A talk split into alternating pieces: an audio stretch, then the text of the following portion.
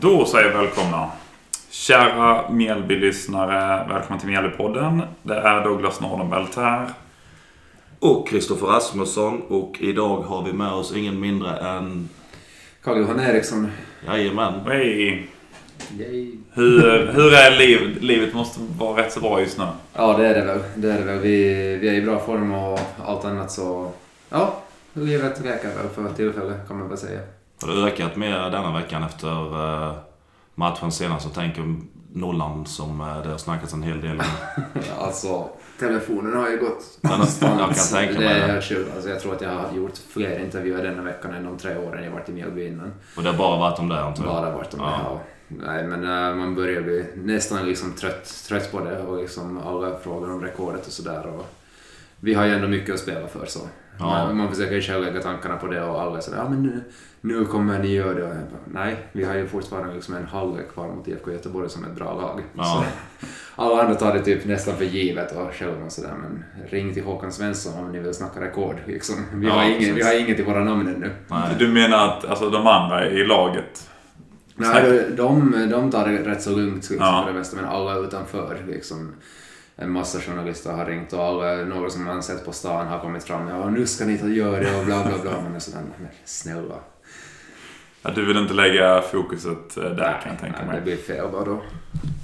Eh, Jag vet inte om du, eh, det har du kanske inte hört, men Ivan Kritschak var ju med i en annan podd. eh, Där han sa någonting om att den här chansen eh, får vi nog bara en gång i livet så vi måste ta den. Ja, Eh, alltså han har ju rätt i det. Det, det är alltså så mycket liksom, så dum är jag inte heller att jag skulle tänka på något annat sätt. Än att, men samtidigt, jag tycker att det är delvis slumpartat. Vet du, att nollorna kunde ju fördela sig jämnare ut på säsongen också. Ja. Så nu, nu har de råkat komma i rad sådär. Och kommer det så kommer det och det kan ju lika väl hända att vi liksom åker på något baklängesmål nu och håller en nolla i nästa match. Och, Mm. så liksom, ja, det är ju... Ja, det, Mm det är mycket slump. Eh, vi brukar börja podden så här med att vi kör eh, tio snabba och sen så pratar vi lite om din eh, karriär och sen så går vi in på lite frågor som vi fått in. Eh, jag tror aldrig jag fått så mycket frågor faktiskt som vi fått till den här. Sist fick vi ju med många faktiskt. Då sa vi nog eh, likadant väl. Men Ja. nu, eh, det är ju, idag, nu är det rekord. Medgångare. ja. Så vi kunde ha vissa avsnitt ibland under division 1 där det var noll frågor. Så att, Ja, eh, fick komma på, eller nästan hitta på. ja, exakt. Nej, här har vi fått några frågor. Ja. typ så var det. Eh, Men eh, du har tio snabba. Ja, det har jag. Det börjar direkt. Det är tio snabba här med Carl-Johan Eriksson. Yes. Favoritlag i Finland? Uff, ja det börjar med en svår. Jag är ju... Ja, Alltså den trodde jag skulle vara lätt. Den hade ju varit rätt egentligen men jag är ju uppfostrad i HJK och sen gick jag till IFK, liksom eh, lokalrivalen när jag var 19. Mm. Så just nu är jag väldigt kluven i den frågan på sätt och vis. Jag är ju själv liksom uppvuxen i HJK men släkten är mer i IFK. Ja. Så det är lite, jag har inte riktigt bestämt mig där faktiskt. Att vilka är det som hjärtat drar till mer? Så du har två kan man säga kanske? Ja, jag har en sån här mer nostalgisk så här och en som jag kanske följer närmare nu och det skulle ju i så fall vara IFK. Men, Ja. ja. Ja. Eh, Det var ett långt svar på en snabb fråga. Ja, tyvärr. Ja. Det blev så. Ja. Det är lugnt. Det är lugnt. Eh, Natur eller konstgräs? Naturgräs. Eh, Din drömklubb att någon gång få spela i? Manchester United. Christian, Christian Jädler eller Marcus Lantz? Christian Järve. Din längd? 191 centimeter. Det är det ändå alltså. Ja, Känns mindre när du står på plan. Tycker du det? det är många som Nej. säger det men Ja. eh, enligt sista mätningen så Det stämmer det ja. fortfarande. Eh, Koskenkorva eller Absolut Vodka? Det roliga är ju att eh, vi samlar på Absolut Vodka-flaskor. Det gör så, det. Ja, så det där, jag får nästan säga det bara Ja. för att uh, öka på samlingen. Har du många eller? Min lillebror är med på med... Vi har, vi har några, vi har de flesta hemma i Finland. Men det där, jag har, jag, jag tror att jag har sex här i Sverige. Alla, alla fortfarande oöppnade, får man ju påpeka här nu i podden. Fem av dem är dock såna här riktigt miniflaskor, såna här, eh, vad är det, nästan bara dubbelshot egentligen. Ja. Så de är rätt roliga, jag har dem på bokhyllan sådär i rad. Men ja, jag säger nog absolut vodka där. Jag vet några där eh, som är lite eh, värdefulla. är väl Los Angeles eller San Francisco. Eller, Ja, de är, de är Ja. rätt svåra att få tag på. Ja. Eller lätta om man vill lägga pengar på dem. Ja, precis. Mm. Ehm, vad hade du varit om inte fotbollsspelare? Antagligen så hade jag gjort färdigt min ekonomimagisterutbildning uh, för tillfället. Uh, sen frågan är ju om jag någonsin hade valt att plugga det om jag inte spelat fotboll. Så det där, antingen det eller sen hade jag tagit mig in på, uh, vad heter det nu, uh, juristlinjen. Så det, Mm. det var andra alternativet som jag funderade på när jag var yngre. Ja. Så något av dem tror jag. Ehm, slå rekordet på söndag. Eller få 10 miljoner i fickan. Oj! Nej, jag sa rekordet. Ja, det är bra. Du kan inte svara något annat där. Eh, bästa, bästa fotbollsspelare du har mött? Som jag mött uh, Andres Iniesta. Eh, och sista frågan. Bastu eller ångbastu? Bastu. Yes. Ja, bra, bra tio snabba. Ja. Då eh, hoppar vi in på karriären och vi börjar i, eh, i Finland. Du är Yes. född i Finland va? Det stämmer. Det stämmer. Eh, var började du spela fotboll någonstans? Uh, I HJK, uh, eh, det var något sommarläger när jag var fyra år gammal ungefär. Så det var jag och en kompis som det där åkte dit, åkte iväg ett par dagar och sen, uh, sen när jag blev fem år gammal ungefär så började vi leta upp ett fotbollslag här någonstans i, ja inte här någonstans men där någonstans i trakten. Och sen, uh, sen därifrån egentligen hela vägen till HJKs representationslag. Så det, där, därifrån allt började. Hur stor är fotbollen i Finland jämfört med, med Sverige? Liksom, hur stor eh, är HIK jämfört med de största svenska klubbarna? Eh, resursmässigt så är de ju mindre, det får man ändå säga. Men alltså sett i skalan, liksom jämför man... Alltså man brukar ju säga att HIK är Finlands Malmö eller Finlands Rosenborg eller vilken jämförelse man nu vill dra, men de är rejält mycket större än resten av klubbarna. Sen alltså, i allsvenska mått så tror jag att de skulle vara bland topp sex kanske. Mm. Något sånt. Så där någonstans tror jag att de skulle lägga sig ungefär. Liksom bara resursmässigt. Sen resultatmässigt är det ju svårt att jämföra men de hade nog klarat sig rätt bra. Mm. Hur stora publiksiffror är det i eh, Finland ungefär? Jag har dålig koll där. Ja, just nu har det varit katastrofala faktiskt. Alltså? Alltså, där, där ligger vi mycket efter liksom, jag vet inte om det är liksom fotbollskulturen allmänt eller supporterkulturen och hur liksom klubbarna lyckas anknyta folk till sig. Men det, det är något i det som lite släpar efter. Att det är, ibland så är det tusen pers på matcherna. Och, Alltså, det är inte mer än alltså. Nej, alltså bästa matcherna är ju Helsingfors-derbyna. Där är det ju Mm. där är det ju ofta slutsålt men det är ju inte mer än 11 000 då heller. Nej. Så allt däremellan men sällan, alltså sällan över 5 000. Ja. Okej. Eh, Det måste vara ett stora kontraster att komma till Sverige för din del då. Jo, alltså förvisso så är det ju det, men eh, det var ganska lägligt då 2014 när vi gick till Europa League. Så då blev det ändå publik på de matcherna och bortamatcherna speciellt. Och det var tufft och fint att möta liksom stora lag. Vi såg ut Rapid Wien i kvalmatcher och sådär. Så Ska du mål då? Nej, nej jag, jag, jag fick hoppa in en halvlek mot Torino borta. Så det där, där fick man känna lite på det och man märkte Mm. att man njöt av det verkligen. Och, Måste ha varit en grym match väl? ja, ja, det var det ju. Det var det ju. Italien liksom. Det... Torino sa du va? Ja, Ja. exakt. Nej, det, var, det var riktigt kul. Vi, vi åkte ju på 2-0 förlust där, men det var, det var det året de hade ett riktigt bra lag. Eh, De hade fortfarande Matteo Darmian och jag tror att Pontus Jansson spelade där. Och vad hade de? Nocerino, Antonio Cagliarella och såna killar, så det var rätt tufft. Eh, Vi, eh, vi hoppar lite i tiden där. Eh, Det gör ingenting. Men som, som målvakt så brukar det kanske inte alltid vara naturligt när man, när man börjar spela fotboll att jag ska bli målvakt från när man är fem. Jag misstänker att det är in... Jag hörde någonting om att du var anfallare. Ja, ja. Alltså, jag spelar bägge anfallare och mittback och van, man spelar ju överallt på planen när man är liten. Typ. Mm. Och sen, sen var det jag och en annan kille som liksom ville stå i mål. Så vi turades om, typ körde varannan halvlek eller varannan match. Och sen, eh, ja det gjorde jag typ tills jag var 12, 11-12 år och då liksom det ju de här representationslagen per åldersgrupp. Och de hade ingen målvakt i min åldersgrupp då och då frågade de om jag ville komma in och provspela med, med de killarna. Och sen sa de ju sådär att men då är det bara målvakt som gäller. Och då tänkte jag, ja men visst, vi kör. Alltså Mm. jag tycker ändå det är kul. Så. Sen har man stannat på den vägen.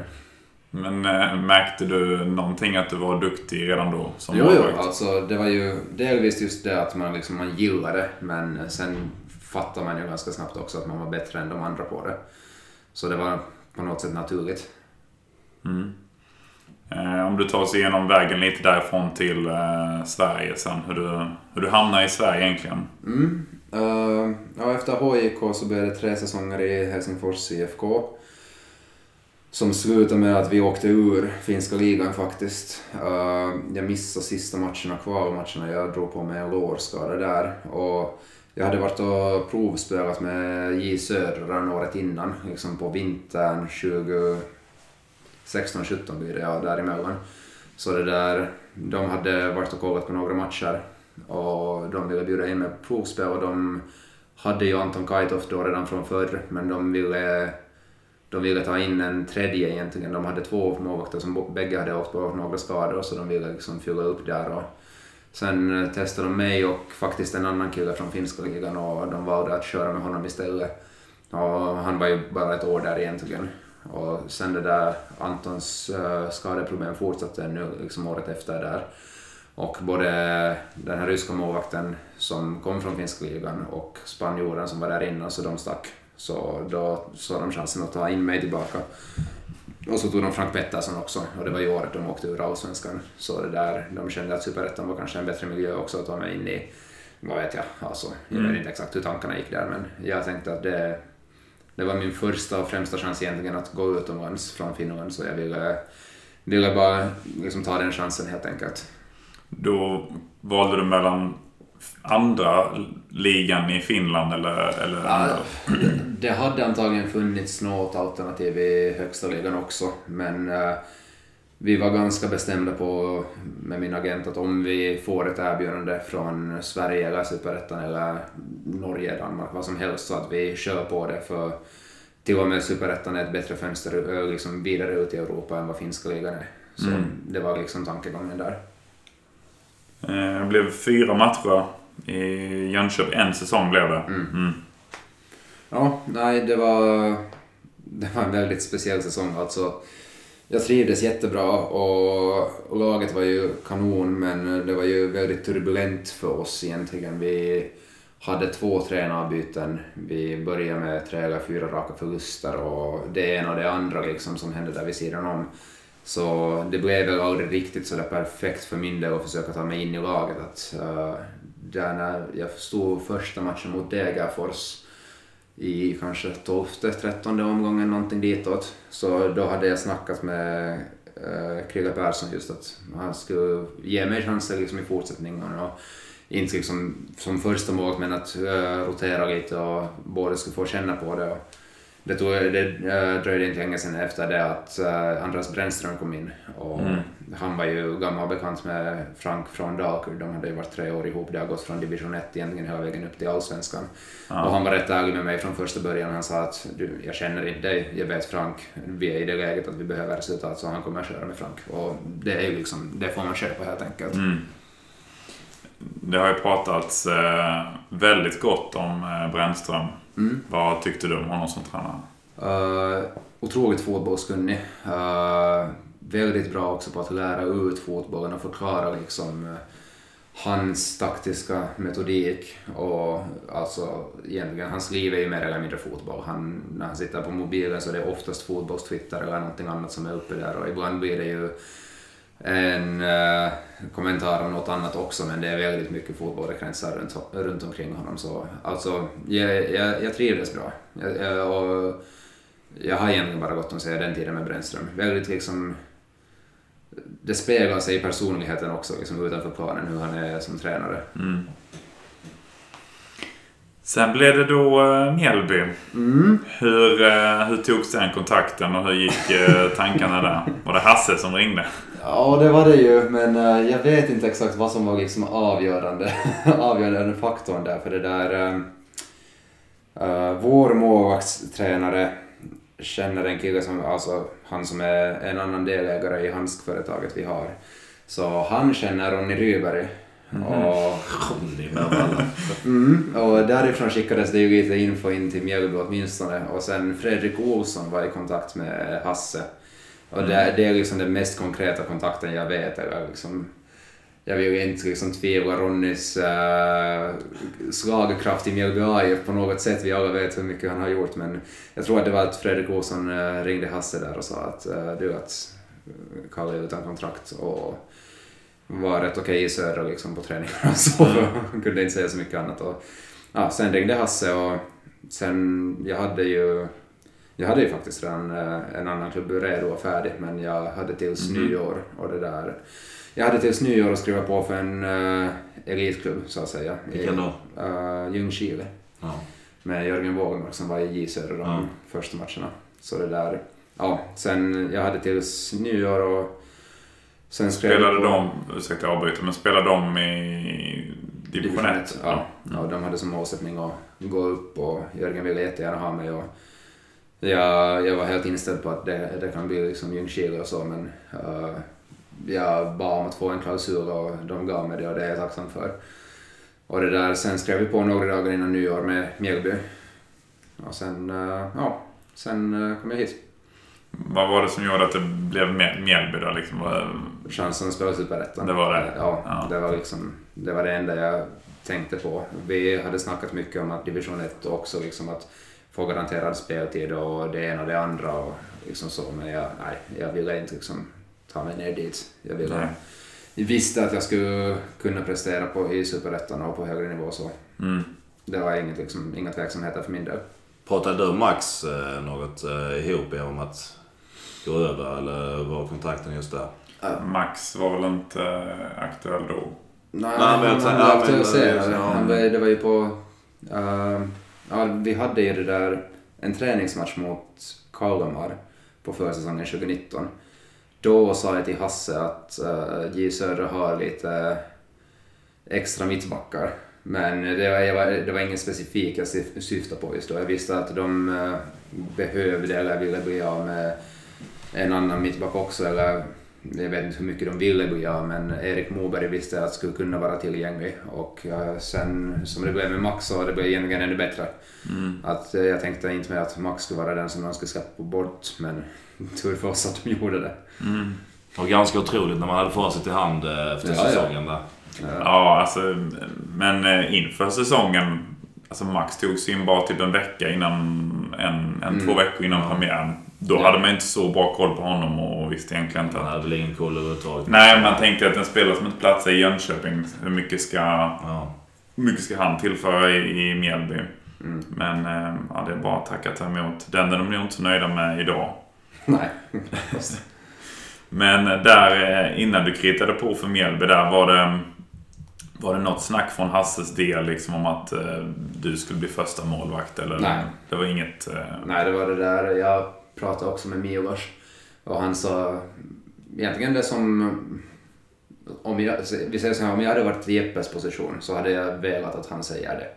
Han sa att uh, Jeppe har cred från fjolåret, att han presterar bra och om jag inte visar att jag är mycket bättre så kommer Jeppe starta som första målvakt. Och liksom, det, det är fair and square tycker jag. Och sen min försäsong var ju inte liksom världens bästa på något sätt. Nej. Så det där, jag, jag tycker det var rättvist på sätt och vis att Jeppe fick stå de första matcherna. Även om jag liksom själv var besviken och frustrerad så tycker jag att det var rätt beslut mot Jeppe. Mm. Men eh, sen fick du spela efter, eh, i omgång fem tror jag va? Yes. Inte helt fel. Mm. Um, hur, um, hur var känslan eh, vid den matchen? Hur, hade, du, hade du på känn liksom med tanke på starten ändå eller? Mm, alltså Milos kom ju fram några dagar innan matchen och berättade att jag skulle stå mot Jägarfors. Och det där, jag kommer ihåg att jag hade haft ett par grymma liksom, träningsveckor.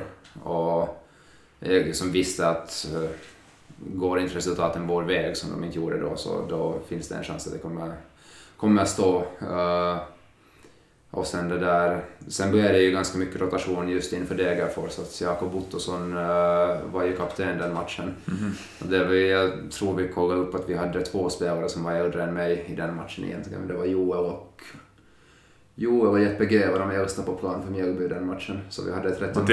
Ja, så ja. vi hade ett rätt ungt lag liksom för att uh, ha två 25-åriga som seniorspelare så att säga. Jag kan ju säga jag har ju en tendens att komma ihåg en del grejer, men jag kommer ihåg att eh, du var nog rätt så frustrerad inför den matchen tror jag. Ja, det var jag Eh. Att både... Jag vet inte om det var både var Bubba och Löken på bänken. Eh, Ja, det måste det ju varit ja. Om eh, Och sen- de var som du Ja, nämnde så... ju. eh, Målvaktsbytet också. Ja. Eh, så blev det, var- mycket snack Det var- utanför ja, planen. ja, bara. det var- Ja, det köper jag. Och det är ju lite... Vad ska man säga? Milos har ju kanske en tendens att snurra runt sådär men det är inte så att han lyssnar, han lyssnar inte på röster utifrån. Så han kör ju sin grej och det är ju bara på, till det po- positiva på det sättet. Mm. Men just den matchen, det var ju... Vigge och Bergan har ju sagt det i någon intervju också att de satt där i omklädningsrummet efter andra eller någon match. Ja, det var kul att känna på superettan. Och nu åker vi ner typ. Unge- Ungefär så. Ja, det var samma känsla. Jag kommer ihåg den från Norrby borta. Ja. Då kände man att kommer vi ens klara det här? Eh, Men eh, ja, det är ju en... eh, Jag tänker vi måste ändå prata lite om den säsongen för att... Att dels att som nykomling att ta och vinna serien men också efter den inledningen. Tre förluster på de fyra första. Att liksom ändå ja, men ta det steget. Mm. Och från att du kom in så vann man sju raka matcher va? Ja, ja, ja, ja alltså det... Alltså det är ju lite samma som det är nu i det här stimmet vi är i nu. Att det, det bara flöt på. Vi tänkte inte så mycket på det. Liksom första matcherna, de som vi vann, så det var ju verkligen så att eh, alla lag kom ut och mötte och de tänkte att de ska köra över oss. Och sen kontrade vi ju sönder dem. Men uh, där någonstans sen efter femte eller fjärde eller femte vinsten så började ju liksom motståndaren plötsligt ge respekt mot oss. Och då, liksom, då blev det lite stelt att de pressade inte oss längre och vi tänkte vad fan ska vi göra med bollen liksom. Ja, det, det blev riktigt udda liksom en stund men vi fick ju ändå resultaten vår väg och BP borta är ju där eh, vinstsviten sen tog slut och det var ju ja, snöpligt att släppa in mål i typ 92 eller något sånt men eh, det, det bara liksom flöt på. Vi hade jättebra samarbete med Max och Addi och alla, alla presterade egentligen jättebra. Och just liksom, det var ju synd till exempel med Gisli och Ottar som var superbra spelare på träningarna egentligen men fick aldrig udde på planen. Men ja, det, det flöt bara på helt enkelt. Mm. Alltså pratade ni mycket internt om att eh, när ni väl började märka att det bara kom högre och högre upp i tabellen Ja, ja. liksom, alltså, eh, Alltså vi, nu har vi verkligen chansen att ta oss till Allsvenskan. ja, men vi, jag kommer inte ihåg efter vilken match det var men vi satt och käkade, nej efter någon träning, vi satt och käkade lunch på, eller middag på någon av restaurangerna här. Det var jag och typ Felix och Max eller någon och vi stod typ och stirrade på tabellen liksom. Det kändes overkligt att plötsligt är vi trea. Liksom. Vinner vi en match så är vi tvåa. Och då hade ju Varberg liksom haft sin start och alla snackade ju om dem. Liksom. Det var ju Varberg, Varberg, Varberg hela året ut egentligen. Även om vi vann serien så var ju Varberg det stora miraklet. Så det där, eh, ja vi, vi kom ju undan liksom de här strålkastarna på ett bra sätt. Liksom de värsta strå, strålkastarna. Sen när det blev liksom sju raka och in på sommarpaus och vi ledde serien, då blev det lite mer snack om det. Men då hade vi redan liksom förberett oss för det, för vi visste redan att vi, vi är där. Men det var ju först då folk började liksom märka det. Och sen mot hösten så var det lite samma grej. Liksom vi lyckades gasa på och vi, liksom, även om resultaten var sämre så höll vi liksom oss där i toppen av tabellen ganska, ganska högt hela säsongen igenom. Så vi fick liksom god tid att förbereda oss för det. Det kom aldrig som en chock till oss på det sättet. Nej. Men det var lite turbulent eh, i uppehållet där med när Milos han eh, snackade på presskonferensen om att jag vet, inte, det var någonting om spelarnas eh, inställning och liknande om han skulle vara kvar eller Ja. inte. Ja, det var efter eh, Brage va? Brage hemma. Ja, vi gör antagligen säsongens bästa första halvlek, första 45. Vi ska leda matchen typ 4-0. Uh, står 1-0 i paus. Uh, förlorar matchen 2-1. De gör två drömmål mer eller mindre. Och vi är ju alla jättebesvikna. Det, är ju liksom, det går ju inte att säga något annat, men just att jag vet inte vad som hän- hände där, liksom, hur han tänkte med det, den kommentaren. Att blev det liksom fel från hans sida eller var han bara liksom, hade han för mycket känslor i sig fortfarande? Men det var en lite udda kommentar och vi tog det internt och spelarna liksom... Ja, vi blev ställda frågan egentligen hur håller spelarna sig till Milos? Mm. Och jag tror att vi ganska enigt sa att ja, men vi vill ha honom kvar. Att det, är ingen, det var ingen fråga om saken egentligen för vår del. Vi tyckte att han var en så pass bra fotbollstränare och även om han ibland liksom uh, uh, brann rätt så mycket helt ärligt. Så, det där, så tyckte vi att det är någonting vi kan leva med i och med att han, han gör det så bra. Mm. Det är värt det. Ja, Ja. det var det. 100 procent. Man, eh, man kan ju se lite av den frustrationen nu hos lite Hammarby-supportrar. Att de tycker att han, eh, att han, att han gnäller mycket och att Mm. han säger väldigt ärligt vad han, vad han tycker. Liksom. Det, Mm. eh, men, men ni gillade honom som tränare? Ja. Liksom. Det, Ja, ja, alltså det var ju... Det levde vidare så pass länge att liksom, han satte ju den kravbilden på träningarna att liksom nästa år så... Liksom, några första veckorna så glömde vi ju själva sätta den för vi hade inte honom att skrika där vid sidan om för man kom inte undan med någonting och plötsligt kom man lite lättare undan och sådär. Ja. Så Löken fick gå ungefär fram till eh, Lantz och Jäger och säga liksom efter en vecka att ni, att ni får liksom säga ifrån. Vi är, vi är vana vid det. Och det där, ja men... eh, Ja, Vaknade de då eller? Ja lite mer. Det blev, Ja. nog, det blev nog lite mer ståhej sen efter det. Men det där, ja. Han kan ju verka rätt så gnällig och så men framförallt var han ju ärlig. Och Mm. det är ju liksom det man vill ha som spelare. Och jag tror att det är det som vi alla uppskattar liksom mest. Att det behöver inte vara liksom snälla kommentarer. Men du gör det jättebra men. Utan han, han sket i det här, du gör det jättebra. Utan du ska göra det här bättre. Ja. Eh, ja, jag först- förstår att det, det är ju lite hur, hur man är som person också. Mm. Vissa tar ju såklart mer illa upp eh, på sådana saker än, än vad andra gör. Tror du han skulle lämna efter säsongen? Alltså, hade du fått några antydan till att... Eller det kom... Nej, inte egentligen. Vi fick det där... Han, eh, jag tror han ringde igenom hela spelartruppen efter säsongen. eh, Så, liksom som tränarna brukar egentligen göra, bara liksom summera hur det ser ut inför nästa år och bla bla bla. Och i och med att jag hade utgående kontrakt också så ville jag ju prata med honom gällande det också. Och då sa han ju att jo, han, har kontrakt men eh, han sitter och liksom förhandlar med Mjällby för tillfället.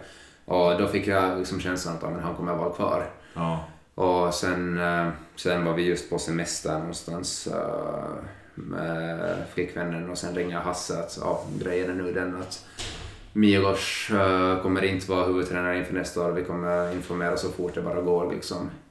När vi vet vem som ersätter och sen gav han ingen liksom, egentlig orsak. eller Vi vet ju lite internt liksom vad det gäller men det är ju detsamma som han har sen gått ut med i media. Liksom. Hur kände du då? För din del? Ja, alltså jag var ju lite besviken på det sättet att jag hade ju skrivit på med tanken att Milos kommer att vara kvar. Ja. Du hade redan skrivit på då? Ja. Mm. Ja, och sen det där... eh, eh, ja, känslan var ju den att okej, att nu kan det ju bli vad som helst. Helt Ja. enkelt. Så man uh, försökte ju koppla av i och med att det var semester och man visste att det kommer vara en huvudtränare inför nästa år oavsett. Och nej, det var bara att liksom gilla läget på det sättet. Det går inte att påverka för min del. Så, så det där sen... eh, sen fick vi nog skede veta att det är Marcus Lantz och Christian Gerler som kommer in och då var det så visst, okej, vi kör på det. Mm. Vi får se hur det blir. Mm. Hade någon koll på dem sedan tidigare? Vad det var för typ av tränare eller vad de hade gjort? Jädrar visste jag lite grann om i och med att han var i öster och uh, det var ju faktiskt lite sådär att uh, Chris, uh, Christer Persson var ju på väg dit och bli assisterande inför 2019 innan han gick och blev hustränare i, nu kommer jag inte ihåg i vilket lag det var. Men eh, han hade ju snackat om att möjligtvis bli assisterande där och då hade han gärna tagit mig med dit från I Södra och han hade liksom eh, berättat lite om Christian och sådär så jag visste liksom vilken typ av tränare det var. Lite Ja. liksom mer sådär, vad ska man säga, taktiskt inställd och eh, mycket liksom, mycket statistik men just att de grundar mycket i det med. Ja. Modern på det sättet. Så, så det var det jag visste om honom och sen och, uh, Marcus Lantz visste jag att han hade gjort det bra i liksom damallsvenskan. Det visste jag så fort rubrikerna kom ut. Ja. För annars hade jag liksom, jag inte så stenkoll på svenska tränarmarknaden ändå. Nej, men Nej. jag funderade lite. Alltså, jag tror inte så många alls hade koll på Lantz överhuvudtaget egentligen. Inte här. Alltså, man vet ju om att han är... Som fotbollsspelare, Ja. som att han kommer ju härifrån. Ja men det menar. Men Man, det alltså, visste man ju om att han var härifrån. Ja. Eh, hade han inte varit härifrån så tror jag kanske inte hans namn hade blivit aktuellt ens. Nej, det tror jag faktiskt inte heller. Sen bor han ju inte här heller, men... han Nej, har det gör ändå jag inte. Men, eh, ehm, men sen eh, i samma veva där så, eller inför säsongen 2020 då med Allsvenskan där så tar, tar Mjällby in eh, Marco också. Mm. Lånar in honom. Eh, hade du något snack med, med, med tränarna eller Hasse eller någonting om liksom din situation eller? Med Milos så hade jag det. Mm. Uh, och lite med Hasse faktiskt, att liksom inför förlängningen så... Milos sa ju att de hade faktiskt försökt få Marco in på sommaren uh, 2019. Mhm. Uh, liksom bara frågat att är det möjligt, liksom, uh, helt med tanke på att han ville ha två olika typer av målvakter och sådär och han hade gärna använt bägge och i och med att Jeppe uh, hoppade åt sidan då under säsongen så kanske tanken var liksom där, där och då liksom att få in Marco. Men det där, Hasse hade ju sagt att det kommer bli en konkurrenssituation oavsett och det är bara att köpa det man går upp en serie och sådär så det är ju ofta det blir så oavsett. Och sen det där, sen att det just blev Marco så det, det hade jag inte liksom någon större koll på. Att jag tänkte bara att mm, skitsamma vem de tar in egentligen. Mm. Men det där, ja. Sen, eh, sen blev det ju som det blev. Liksom. Det har jag inte, där har jag inte så liksom stenkoll egentligen vad, vad som orsakerna var eller så. Men, Nej. Men ni stod ju, om inte jag helt fel nu, stod varsin... eh, Det stod två matcher i cupen var Mm. han stod en eh, i gruppspelet där inför Allsvenskan. Eh, Och sen fick du starta de två första matcherna i Allsvenskan. Det stämmer. Ja, eh, där var det egentligen det var ganska öppen konkurrens inför, alltså vi, man hade ju på känn att Djurgårdsmatchen i kuppen vore mer eller mindre avgörande för att vem som kommer att stå seriepremiär eller vem som har liksom förstahandsval där. Och där kändes det som att de kunde ha valt egentligen vem som helst. Jag, jag hade inte på känn liksom att jag skulle stå den matchen. Nej. Men eh, kul att man fick chansen där och sen att, att vi tog vinsten så tror jag påverkade mer än något, något annat att jag fick starta de två första matcherna. Och, ja, sen tycker jag liksom eh, första matchen mot Malmö tycker jag att jag gör det helt okej. Liksom ingen supermatch men ett par bra räddningar och liksom Mm. allmänt helt okej. Sen är det ju lite tråkigt det där baklängsmålet mot uh, Falkenberg var det väl? Ja, exakt. Där man liksom tappar ett inlägg. Vi har chans att rensa bollen två gånger, misslyckas med det och sen, sen blir det mål. Så, så klart det liksom blir jag som får bära skulden av det. Mm. Men uh, vi säger så här, hade det hänt nu, liksom förra matchen, så hade vi antagligen lyckats rensa bollen. Bara för att vi är i det stimmet. Mm. Vi är inte nykomlingar längre, vi har inte liksom pressen på oss att prestera och liksom den att visa att nu ska vi klara oss och vi ska fan inte sätta in mål, utan det är bara flow. Liksom. Men ja, sen, eh, ja, sen det målvaktsbyte. Hur, eh, hur kände du för det då? då? Nej, de sa ju att, eh, de sa inför säsongen att de ville använda bägge. Mm. Och att, vad sa Marcus där, att han skulle inte bli förvånad om ena står 18 och andra står, står 12 matcher Okej. säsongen. Mm. Och eh, deras motivering var väl lite att bägge var ganska gröna målvakter för allsvenskan. Och då, ja, jag och Marco hade lite, eller bägge hade samma åsikt om att det inte kanske riktigt stämde. På det sättet att han hade ändå 100 elitfotbollsmatcher på sitt bälte. Jag, hade ju, jag har över 60 matcher i finska ligan men jag har märkt att de inte räknas i Sverige. Så det där, eh, där fick vi liksom Ja, alltså jag tyckte bara det var en udda kommentar med tanke på att vi går in i säsongen med oss två. Liksom, det är ju, Mm. oavsett om vi är gröna eller inte, det här är vad ni har. Ja. Så det där, ni kunde jag liksom bara sagt att konkurrens, ni har båda har gjort det bra, vi litar på er bägge, kör. Men med relationen mellan dig och Marco var bra eller? Ja, jag, jag tror att jag hade den bästa relationen med honom av alla i laget. Liksom sådär. Så det där, mm, eller inte kanske bästa, det var ju, han var ju tajt med Bess naturligtvis och eh, Noel också. Men eh, vi kom bra överens. Det var liksom, vi hade ömsesidig respekt liksom, som, både som människa och som målvakt. Och det är egentligen det räcker för mig en lång väg. Sen eh, tyckte jag att han är liksom en rätt god kille. Eller det var han mot mig också så jag hade ingen orsak att liksom ogilla honom egentligen. Nej. Så glad för hans skull att han fick en fin flytt och hoppas det går bra för honom i Tyskland. Mm. Men eh, jag tänker som, som målvakt är det ju en eh, rätt jobbig position att sitta på bänken. Mm. Eh, för att du blir liksom inte inbytt i 70 för vi Nej. får chansen liksom. Men hur, hur, ehm, hur gick processen där eh, fram tills Marco lämnade liksom? Du var i och för sig med i kuppen mot Malmö och gjorde det jäkligt bra den Mm. matchen. Nej, det var ju alltså... Ja, alltså det var väldigt udda tyckte jag på ett sätt. För vi hade snackat om att rotera och sådär. Sen hade vi en period där vi fick vinster och Marco gjorde det bra och då, liksom, då är det självklart, då roterar man inte. Liksom, det är ju, tränaren sätter ju sig mer eller mindre i skiten om man gör det då, för då är det liksom, då finns det ingen orsak att inte byta någonsin. Och sen fick jag ju chansen mot Elfsborg där också, den där katastrofmatchen där Just det, ja. Och efter det så skulle vi rotera igen. Så det, där, det här var det, var det enda liksom motiveringen jag fick till det bytet egentligen. Och, nej, då kände man ju att det var, där och då kände man att det var inget annat än en petning liksom tillbaka. Nej. Och sen efter cupmatchen så det där, ja, då, ja, man kände att man kunde ha stått nästa match också men som sagt det var, ja, som jag sa innan så Marco hade stått matcherna innan, han hade gjort det bra. Sen var det en cupmatch, cupmatcher ofta så blir det liksom lite mer rotation och de kände väl att där har man en chans att låta mig stå. Jag tror inte att de förväntade sig heller att jag skulle prestera så bra som jag gjorde. Nej. Och sen nästa match så får Marco stå igen, vilket jag tyckte egentligen är helt rätt. Sen samtidigt så är det tråkigt att göra en sån match och inte bli belönad för det på det sättet. Men som du säger, det är som det är som målvakt. Mm. Sen eh, försvinner Marco där. Hade du det på känn liksom att han skulle försvinna? Eller det, utåt sett så kändes det som att han var besviken att han inte fick stå den Malmö-matchen.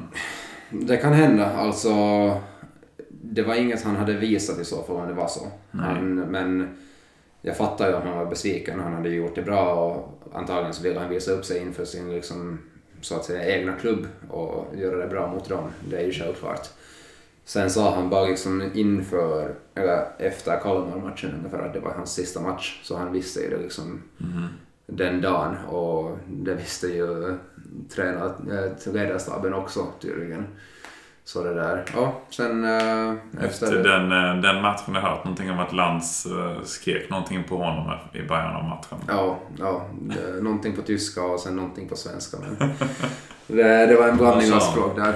Nej, jag vet inte vad han sa. Ja, tyska kommentaren hörde jag inte faktiskt men Alltså. äh, svenskan så var det, jag vet inte exakt men det var någonting att du är här nu eller något i Ja. den stilen bara men ja. Jag vet inte helt ärligt liksom vad som hände där i bakgrunden med den flytten tillbaka liksom. Men hur kände du när du visste att han skulle lämna? Kände du liksom att solen gick upp för dig lite mer igen då?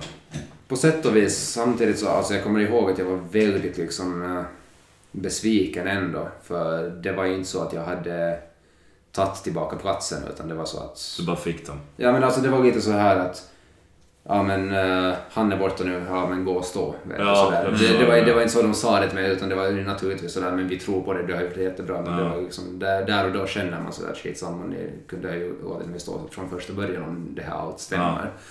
Men eh, sen, det är ju, alla spelare tänker på det sättet. Så det är ju liksom... Sen tog det en tid att komma in i det. Det märkte man också liksom att man kände sig väldigt, liksom, eh, inte väldigt osäker, men osäker i första matcherna just att spela efter ett långt uppehåll. Så det är alltid lite, lite att komma igång. Eh, men sen eh, så småningom började det flyta på och det var kanske lite svårare på sätt och vis efter just liksom den turbulenta halvåret där för min del så var det lite svårare att hitta, liksom, hitta rätt i det och hitta rätt liksom, liksom gnistan för det. Och sen var det ju också det hela med corona och det, så det hade ju blivit Ja. ett, ett långt år på det sättet. Så, nej, men sen när man kom igång och uh, började få liksom allt att falla på plats och vi började vinna matcher så då blev det skitkul igen. Liksom, Men man kan ju vara ärlig och liksom säga att det inte, det var, fotboll var inte superkul i den stunden då. Nej. Nej, det, det förstår man ju fullt ut. Alltså det, jag har en tendens att lida rätt så mycket med spelare som inte får plats på bänken och, och får sitta på bänken mycket och så. Ja, det har jag med. Mm, lite. Alltså du har ju haft rätt unik karriär de senaste åren kan man väl säga Mm. när det gäller målvakt. För du har inte varit utpräglad eh, första målvakt på många år. Kan Någonsin. det vara? Någonsin. Nej, någonsin kanske till och med. ja. Nej. Nej. Inte sen... Och att man ändå krigar på då. Eh, du, men hade man själv fått bara motgång efter motgång efter motgång. Man tror att man ska få sin Mm. chans. Men, och sen så när du väl kommer tillbaka, som, speciellt nu, nu har vi inte kommit dit ännu, men speciellt som detta var till exempel. När du väl får chansen så har det blommat ut fullständigt. Mm. Istället för att man kanske...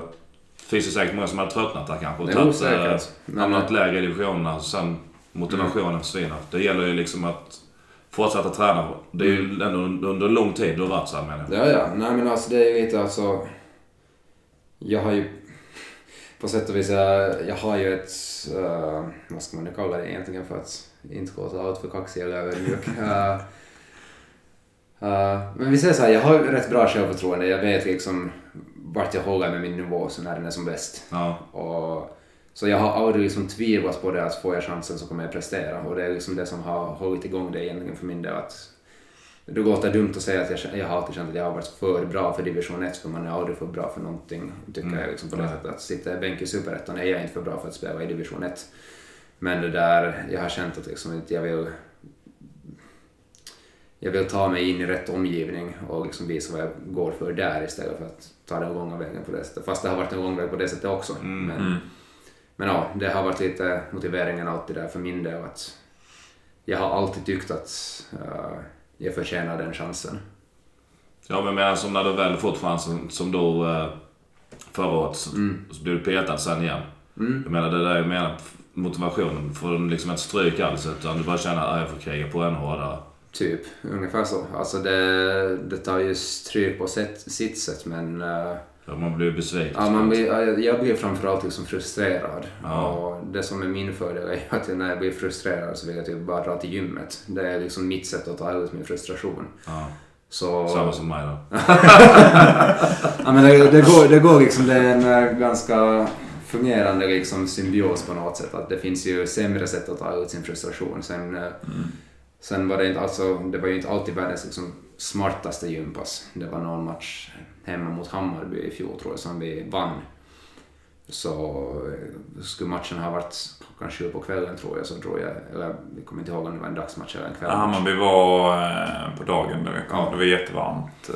Ja, det stämmer. Just det. Ja. Ja. så sen drog jag till gymmet och var där kanske en två och en halv timme efter matchen. Och sen drog jag hem och sen är det rehab eller SWAT-träning eller vad fan man kallar det sen dagen efter matchen och fem mot fem och avslut och sådär. Så det var inte kanske världens bästa förberedelse inför den Nej. träningen. Men det, alltså det, var liksom, det är så jag får det för att funka i mitt huvud på det sättet. Mm. Men om vi hoppar tillbaka lite till eh, du tar din plats där och sen hamnar ju som du säger att du kommer in i det men laget kommer ju minst sagt också in i det. För det är en helt eh, sjuk säsong man egentligen gör om man summerar hela säsongen. Ja, ja. Att komma femma i, i Allsvenskan liksom. Det måste vara en... eh, Den, som sista matchen måste vara en rätt god tid att spela i ett fotbollslag där. Verkligen, verkligen. Ja, de sista, sista tio matcherna kanske var liksom de bästa för, för liksom känslan helt enkelt. Att sista 15 matcherna är vi ju bästa laget i Allsvenskan sett i poäng. Mm. Och det där sista tio så hade vi liksom bara känslan att gå ut, köra, vi vinna oavsett motstånd. Att äh, Djurgården hemma hade kändes ju som att ja, men det här är en match som alla andra. Norrköping hemma, vi kände bara men vi, vi kör. Liksom, inga problem så att säga. Nej. Så det var ju inte alls liksom samma känsla som inför premiären mot Malmö borta. Där var det liksom nervöst och hur ska vi liksom hålla dem undan och sådär. Mot Djurgården var det bara ja men vi håller dem undan och vi gör mål så här. Så liksom, sen visste jag upp till, att Moses kunde bara stänga sina ögon och vifta på foten så var bollen i mål. Ja, det var Men- otroligt. då. Ja, men eh, ja, det var, de sista matcherna var liksom, det var så lätt att spela då. Alla, alla var så samspelt och alla visste vad som gäller. Och även om det var mycket rotation där med, liksom, eh, Erik Persson gjorde äntligen en comeback och Martin Spelman gjorde några minuter här och där. Och sådär, så alla visste liksom exakt vad de spelade för. Så det funkar verkligen. Och sen eh, kan det vara tre matcher kvar så eh, går ju klubben ut med att Lantz inte ska vara kvar nästa säsong. Mm. Eh, kom det som en, en överraskning? Eh, eller hur? Det, det kan jag inte påstå att det kom.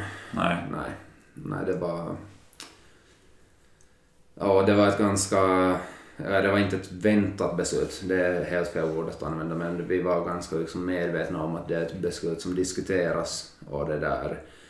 Vi visste ungefär i vilka spår diskussionen gick just där och då och på så sätt det, kändes det som det mest sannolika alternativet där och då när man visste liksom motiveringen mot ena sidan och det andra så kände vi att ja, men det finns en chans att detta händer.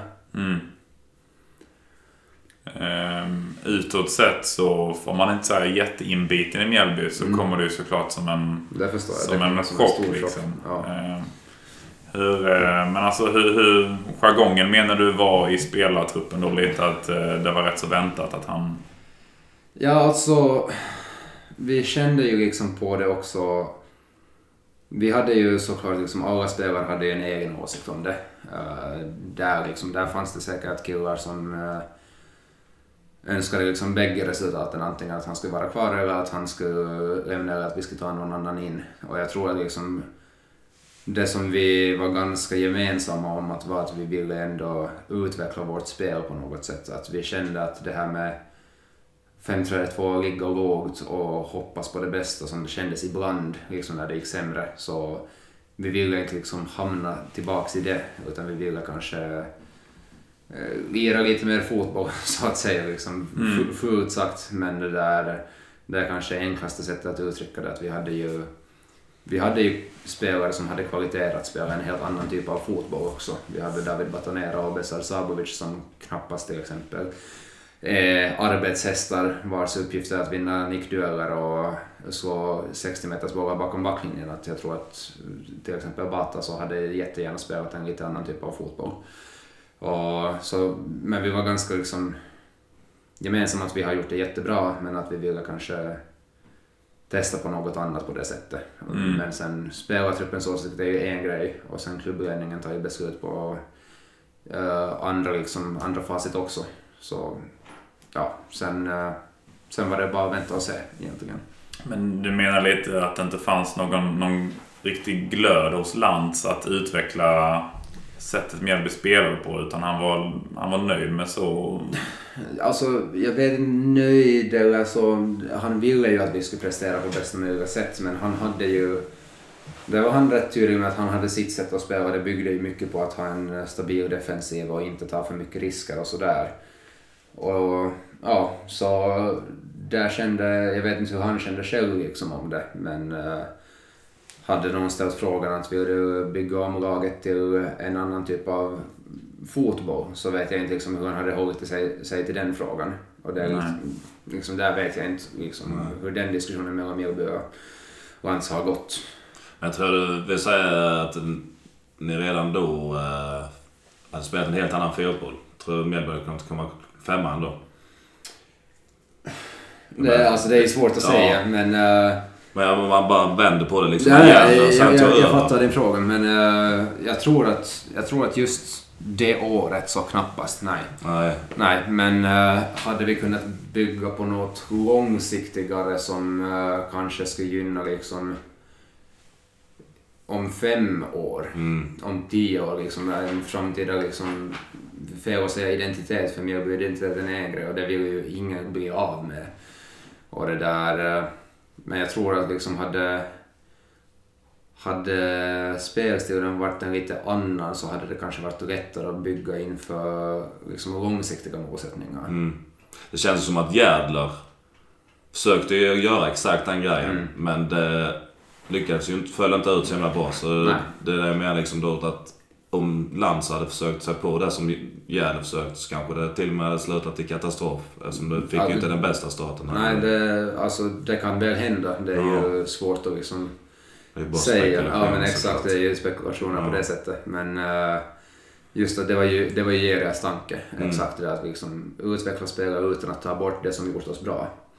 Men eh, sen, sen gick det ju som det gick och det var vi alla liksom väldigt besvikna över, framförallt vi spelare. Att det var ju inte det var ju aldrig så att vi ville gå ut och prestera dåligt Nej. Nej. på något sätt. Och sen, ja, men det var ju exakt det var tanken, att liksom bygga en spelstil som innebär Mjällbys identitet men som ger chansen också för, för ungdomslagen att kunna luta sig på. Ja, att, precis. att P17 inte behöver gå ut och lira 5-3-2 och försvara box i 80 minuter. Typ.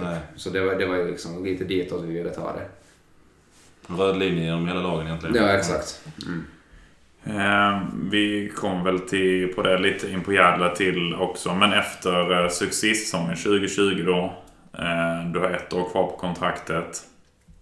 Eh, jag kan tänka mig eh, om jag skulle vara i din situation att ja, men nu har ändå Mjällby sett lite vad jag går för. Mm. Och visat att jag kan faktiskt vara första målvakt i, i Allsvenskan. Jag kan tänka mig att det fanns en viss besvikelse hos dig när, när Mjällby lånade in Brolin sen? Ja, det, det fanns det absolut. Uh, det vet, det vet oh, mer eller mindre alla om i Mjällby.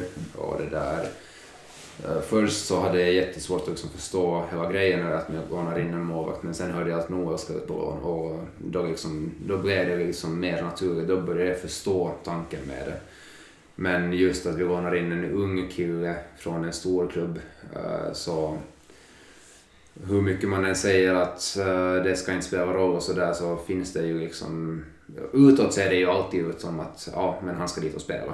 Mm. Och det är lite så att... Det, är Det var ju, samma med Marco. Ja men exakt så. Det är ju lätt att liksom sånt tränga sig in i huvudet på folk och jag säger inte att det har gjort det på något sätt hos någon men det finns ju alltid den här bilden utåt att ja, men Samuel Brolin är inlånad från AIK, då står han. Punkt slut. Liksom. Men det var, så gick ju aldrig våra diskussioner heller med Jägare eller Hasse eller med Samuel utan Samuel sa det rätt fort att han hade inte fått liksom några lovord eller överhuvudtaget om att han, ska, han kommer få stå eller så. Men eh, eh, han är ju en uh, svinduktig målvakt så jag tycker liksom att han visste inte heller om vår situation liksom inför säsongen. Eller han Nej. visste att det fanns ett intresse från Mjällby och han hade snackat med Hasse. Men eh, ja, han, han kom väl med tanken att det blir en fight och det är liksom det är där vi är fortfarande. Mm. Ehm, det blev ju en... en, eh, en, kom, nu har jag lite dåligt minne här men jag kommer inte riktigt ihåg hur ni, hur ni körde i kuppen eh, i år. Vi körde, vi körde lite fram och tillbaka. Samuel, Samuel stod Akropolis-matchen. Jag stod, jag stod mot Landskrona och Östersund. Ja, det, de minns jag. Sen hade vi... Var det de vi hade i cupen? Det var det de. hade vi ja, för vi Vi torskade mot eh, Värnamo. Så mm. var det, ja. Och sen eh, fick du stå de två första matcherna precis som året Precis som innan. Mm. Eh, Men på, på ett sätt så, det är lite som, som, eh, som Jeppe har berättat eh, Mm. lite i efterhand. Att han, den här pressen av att det kommer in någon annan utifrån. Att nu måste man visa vad man går för. För man är ju så eh, drabbad som målvakt att gör du ett misstag så syns det Ja. mycket tydligare än om någon skulle slå en felpass Ja, ja. på mittplan. Absolut. Jag kan tänka mig att när du står de första matcherna, premiären och andra matchen, att det ändå finns lite, jag vet inte. Alltså, det var mer i fjol. Mm. Eh, Men i år var det inget sånt för jag visste exakt liksom, eh, jag visste att jag hade gjort det bra. Och jag, gjorde, jag tycker själv att jag gjorde en, liksom en, en av mina bättre försäsonger på länge. Eh, om man räknar bort resultaten, så dumt som det än låter, men om man kollar på individuella prestationer så gjorde jag Mm. Eh, en försäsong som jag var riktigt nöjd med. Så jag kände liksom verkligen att nej, jag, liksom, jag skitar i allt annat. Det här, liksom, det här ska bli mitt år. Det var min tanke. Och sen att bli petad efter Hammarby-matchen, då hade vi också sagt inför säsongen att vi kommer an, eller det var då jägare egentligen kommer det att vi kommer använda bägge målvakterna. Och rotera ungefär som i fjol, sa han då. Och det där, ja, då var jag ganska så besviken men samtidigt fattade jag att Samuel också hade gjort det jättebra. Så det där, det fanns inga liksom, negativa tankar kring det på det sättet för jag visste att vi har två bra målvakter. Två lite olika i sin profil. eh, och att jag köper att om en huvudtränare vill använda två målvakter så då är det så helt enkelt. Det är inget som man själv kan påverka om man inte är betydligt mycket bättre än den andra. Nej. Eh, ja, så det var liksom min tanke. Att jag visste jag var besviken för jag hade gått in med tanken på att ja, nu kör jag. Och skillnaden till fjol är att det blev ingen tydlig tabbe på det sättet. Hammarby. Hammarby-matchen var ju ingen supermatch av mig, men eh, det var det inte av laget heller. Liksom, andra målet är ju lite sådär, där kan jag göra det bättre. Första målet kan jag göra inget åt. Så då blir det liksom bara känslan att jaha, okej, men eh, då, då får jag lita på att jag får chansen efter en likadan match. Men ja, så blev det inte riktigt. Nej. Analyserar du målen mycket du släpper in? eh, Alltid. Det gör du? Ja. Alltså granskar du med video och så här eller du Ja. bara drar dem i huvudet? Nej, både och liksom. Lite sådär att hur det kändes där och då. Sen när man ser det i efterhand så är det mycket lättare att liksom... Det är ju mest liksom, det som jag analyserar direkt efter matchen är hur det kändes. Liksom känslorna i det läget och Mm. sen hur reflekterar det liksom verkligen hur det såg ut på video. Så det är liksom där man hittar oftast då. flesta misstag man gör beror på något helt annat än tekniska eller taktiska grejer. Utan det, du gör ett, alla beslut är ju på något sätt känslobaserade. Mm. Så det är ju där du får leta efter misstagen. Vad är det som får mig att rusa ut där? Vad är det som får mig att tappa fokus här? Vad är det som det ena och det andra liksom? Typ, ja, som exempel fjol, äh, fjolårets match mot Varberg hemma där jag tappar ett inlägg och någon slår in, nej jag boxar ett inlägg som flyger två meter framåt och någon skjuter in den i mål typ. Ja. Så där kände jag liksom tre olika tillfällen, ska jag greppa den, ska jag boxa den, ska jag repa den, ska jag Ja, ja. boxa den. Och liksom, sen liksom, precis innan den så tänkte jag att ah, jag hade haft liksom tid att greppa den. Och sen har vi snackat igenom det med tränarna, ja, men liksom, du dig inte det beslutet egentligen utan du börjar liksom ifrågasätta det. Och det är då det händer tekniska misstag. Att det är inte liksom, själva beslutet hade inte varit några problem om jag hade bara boxat den 10 meter längre fram. Och då hade ingen lagt märke till det. Nu blir det bara sådär att ja, men han är dålig målvakt, han kan inte boxa en boll. Ja. Men eh, ja, Har det hjälpt dig då? Tycker du? att... eh, Att analysera så Ja, ja absolut. absolut. Och sen just att liksom, jag snackar mycket med min fystränare om såna här grejer och det är ett bra bollplank för han är inte liksom investerad i Mjällby på något, på något sätt. Nej. Eller i mig som person utan därför är jag en helt liksom utomstående åsikt som eh, kan liksom ställa lite svåra frågor också. Det är ingen som klappar dig på axeln och säger att men det blir bättre utan liksom tvingar mig att reflektera på ett annat sätt. Mm. Så det har hjälpt mig massor. Jag tänker eh, höjdbollar och sånt här med eh, ibland när du varit ute och så Mm. som tappade någon då förra året och så här. Har du gjort likadant där då? Eh, För Mm, det, det- tycker jag med har blivit mycket bättre nu efter sommaren. Det, det som vi liksom gjort kring det är ju egentligen att vi har bara försökt jobba på min fysik så mycket som möjligt. Liksom att undvika att hamna i liksom göra mig mer bekväm där helt enkelt. Och Mm. sen liksom kollar man på testresultat så har, ju, har ju min spänst blivit mycket bättre. Att vi gjorde det här counter movement jump i januari och i april tror jag och det var, var det 3,5 centimeter skillnad vilket är ganska otroligt Ja, mycket egentligen. mycket. Ja. Så det där, där har vi lyckats med det. Så där känner jag kanske, jag känner mig mer bekväm på det sättet. Och sen har vi ju, vi gjorde det redan i fjol rätt så mycket och vi tränade på det med Juan och backlinjen och samarbetet där. Så där är liksom, vi har blivit bättre på att känna liksom olika ansvarsområden och Mm. var behöver jag verkligen påverka spelet, var liksom, hur mittbackarna kan hjälpa mig, hur jag kan hjälpa dem och så, och så vidare. Så. Ja, det är, alltså det är en kombination av många grejer men det Ja, är, inget, såklart. det är inget liksom, det mesta jag kan lägga liksom fokus på är just att liksom, fysiken har blivit bättre på den delen. Ja. Känner du dig tryggare till exempel nu då efter detta att när det kommer Lombo till exempel och såg ut plockan än vad du gjorde Delvis, för två år alltså. sedan? På sätt och vis, men eh, samtidigt så är det, alltså jo, men eh, jag tror att en del är också att jag har lite annan eh, mentalitet inför de bollarna. Att nu vill jag liksom påverka mer på Ja. något sätt. Då var det liksom att jag, eh, jag tänkte på något sätt att sköt det du ska. Nu är det mer sådär att Ja, jag försöker, jag försöker inte söka fram de chanserna för så söker man också ofta problem. Men just Mm. det där att kan jag hjälpa dem så vill jag göra det nu. Så där känner jag en eh, liksom skillnad. Då, då blir det kanske det att då blir man bekvämare på de här 90-procentiga om man kan gå på de Ja, precis. 100-procentiga. Eh, sen eh, matchen innan Järdler får gå så eh, tar du tillbaka din startplats va? Mm. Eh, hade du på känn lite att eh, du skulle ta tillbaka den platsen eller? Ja, lite. Alltså, jag hade ju snackat med Christian ett par gånger där under säsongen att mm, nu, nu, liksom, nu går det ju inte riktigt som vi kom överens om inför säsongen.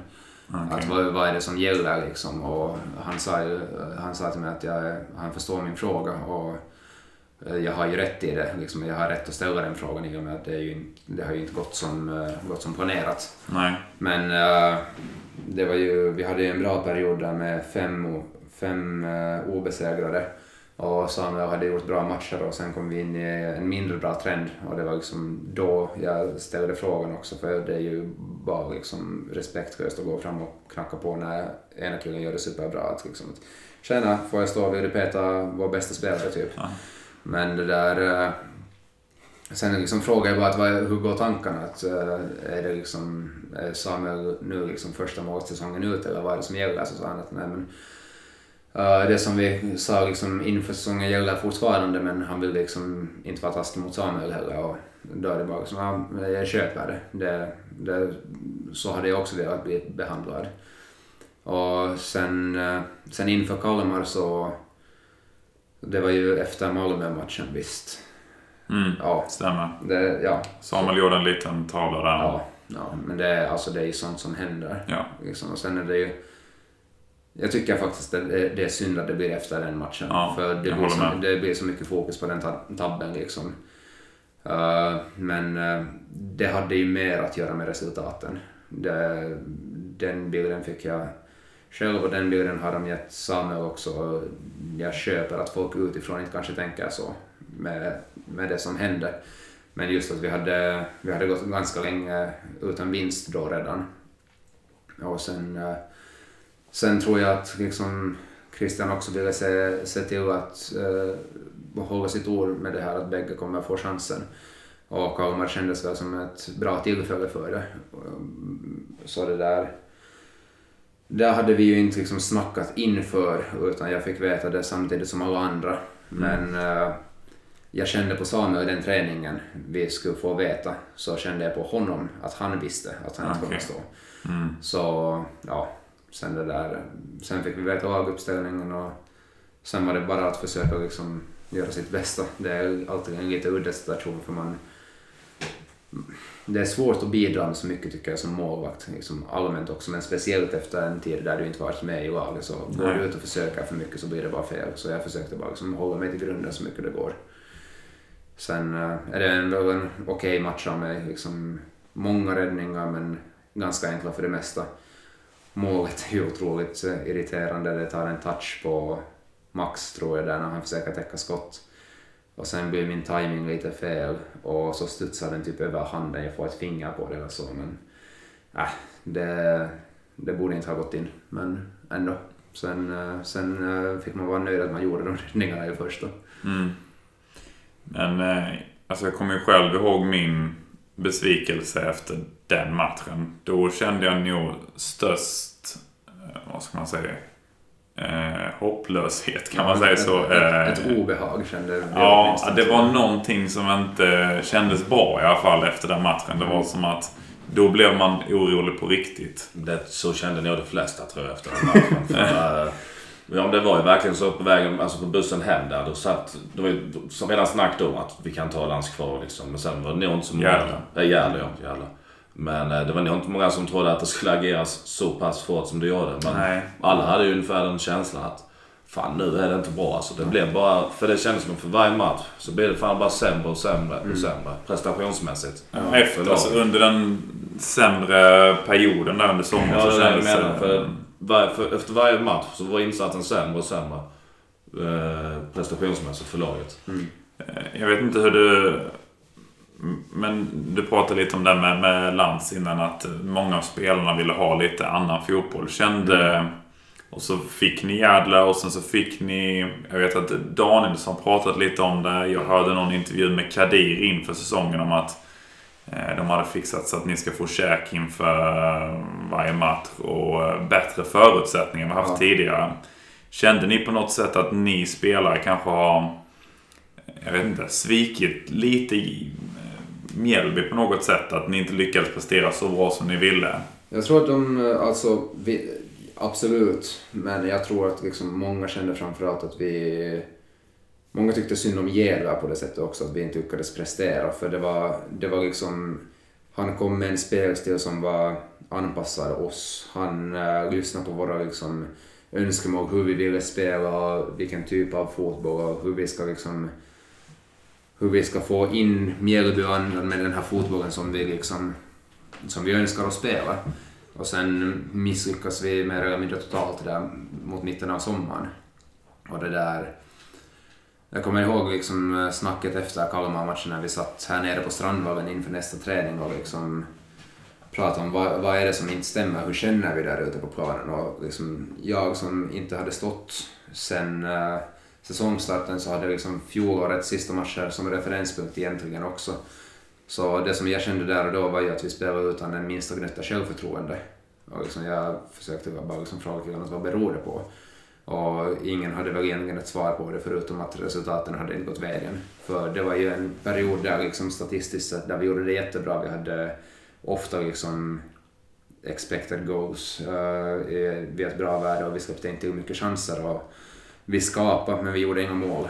Du menar på, på våren? Eller? Ja, exakt. Inför liksom den negativa trenden. Sen när det gick, sen när det gick skit så gick det ju total skit. Mm. Det är ju liksom inget man kan gömma undan. Men just att delvis så hamnade vi där tror jag på grund av att vi inte fick resultaten med oss. Att hade vi satt in ett mål per match typ så hade det varit en helt annan femma att gå in i liksom den perioden. Men äh, absolut, liksom, det var ju inte bara att vi svikit Mjällby eller Gävle utan oss själva också. Det var ju det var ju ingen som ifrågasatte andras ambition eller engagemang på planen.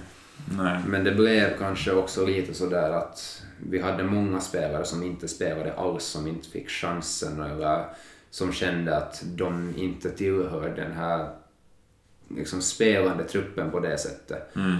Så jag säger inte att det blev splittrat på något sätt för alla kom jättebra överens med varandra men man märkte ju kanske på träningen att det var vissa som så att säga hade gett upp. Att de, de visste att oavsett vad som händer så kommer de inte få spela. Nej. Och ja, det, det är ju ingen bra signal. Det ju, Nej, det var ju inte jättemycket rotationer i Nej. laget. nej.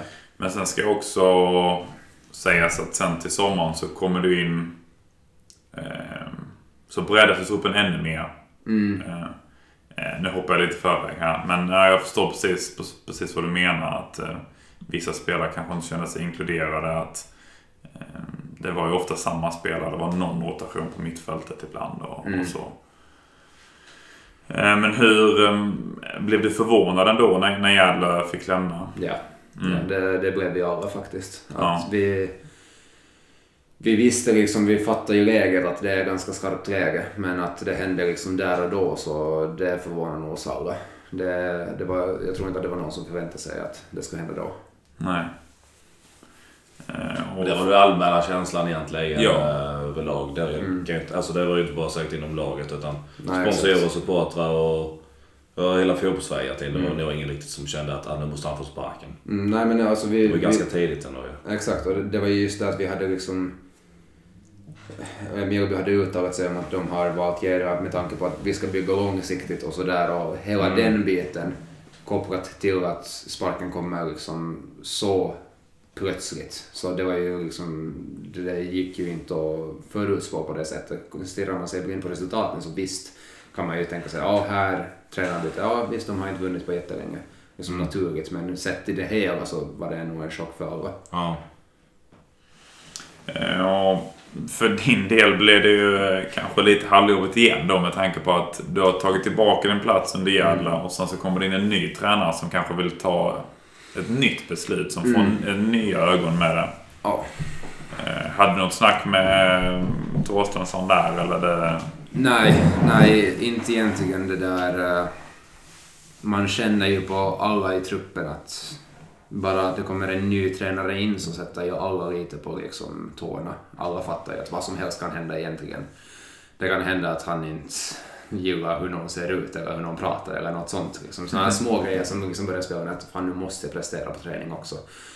Så man märkte en höjning liksom direkt i energinivå hos killarna men det, det kommer ju alltid liksom bara på grund av att nu måste man prestera för att liksom visa att man ska fortsätta spela eller för att ta sig in i laget. Eh, men nej, det var inget liksom, jag snackade inget med varken Anders eller Juan eller Stefan eller Benny utan jag tänkte att jag kör som jag gjort innan, liksom, jag kör på och sen får det bli som det blir. Och, tur som var så fick man ju liksom fortsätta nästa match. Jag tänkte just att tur att man gjorde det rätt okej mot Kalmar ändå. För hade det gått åt helvete där så hade man ju knappast fått liksom chansen igen. Ja, Jag visste ju själv inget liksom om Anders från förr. Så det var ju ett helt liksom nytt namn för min del. Ja. Eh, Men vad var det mer än den här energin då? Vad var det som Anders kom in med, med i början tycker du som gjorde att det ändå liksom har, lyft nu så sjukt som det har gjort. Ja, men det, alltså, vi snackar ju egentligen inför de första matcherna så snackar vi jättelite taktik. Utan det var mer det här att vad vill vi stå för? Vi har satt oss i grupper och diskuterat vad är det vi vill liksom få ut av uh, eh, andra lagkompisar och vad vill vi prestera på träningarna och vad är det liksom vad är våra värderingar för både Mjällby och för oss själva? Vad, är, vad gör en bra lagspelare bra? Vad, hur definierar vi team spirit? Liksom sådana här grejer. Och sen, sen sa vi bara efter att vi hade liksom lagt upp några punkter och sen, jag tror det var mot Örebro, så sa han att ah, jag skiter egentligen om ni taktiskt lyckas, bara ni liksom gör de här grejerna vi kommit överens om. Och det var där någonstans det liksom började. Vi, vi gick tillbaka till grunden om man säger så med de grejerna. Att ta, mm. ta jobbet först och det ena och det andra, de här klassiska klyschorna egentligen. Och det var ju taktiskt sett ingen supermatch av oss på något sätt. Vi får ju Adju utvisad efter 20 ungefär så alla liksom taktikbräda och flyger ut ur fönstret där och då. Mm. Men uh, sen att vi lyckas ta poäng där så bara det ger oss ju en boost på det sättet. Också spelarna att vi, vi visar för oss själva att fan vi kan göra mål. Vi, vi kan prestera. Vi hade många killar som gjorde debut, eller jag vet inte om det var debut för Magnus då, men Carlos hoppade in för första gången. Noah gör debut, mm. han gör bra. Moro får ett mål äntligen igen och ja. Adde fick en assist. Så det var ju så många grejer som kom på en gång och det gav oss självförtroende definitivt. Mm. Eh, men nu när, när det har börjat rulla på lite då, har det, det har blivit mer av de här taktiska inslagen då? Mm. Eller? Du tycker att ni har utvecklat spelet bra? För nu har det verkligen blivit ketchup-effekt på senaste tre matcherna. De har gjort ja. Eh, nio mål. Ja men absolut och det är ju det som jag tycker att vi har blivit ännu bättre på är att liksom döda motståndarna. Alltså, jag säger inte att vi har världens bästa liksom vi är ju inte eh, City eller Barcelona som går ut och kör sin egna spelstil från uh, minut 0 till minut 90 och vi ska slå motståndarna på det sättet utan vi, vi är ju mera de som liksom ser till att motståndarna inte kan göra sitt och sen har vi ett grundspel som ska räcka till att kunna vinna matchen.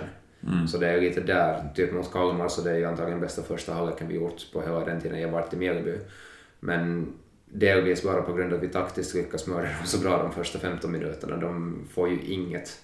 Liksom 2-0 efter fyra minuter och exakt på liksom de grejerna som vi snackat om. Vinner vi boll centralt så kommer det finnas yta bakom deras andra wingback. Det är så Joel gör sitt första mål. Sen andra, andra blir väl på, ja det blir på en fast situation där vi tar en snabb frispark. Vi låter inte om vi organiserar det. Och så får Amin en boll som dimper framför honom och sätter dit den. Så det är liksom, det var väl utfört av oss tycker jag. Mm.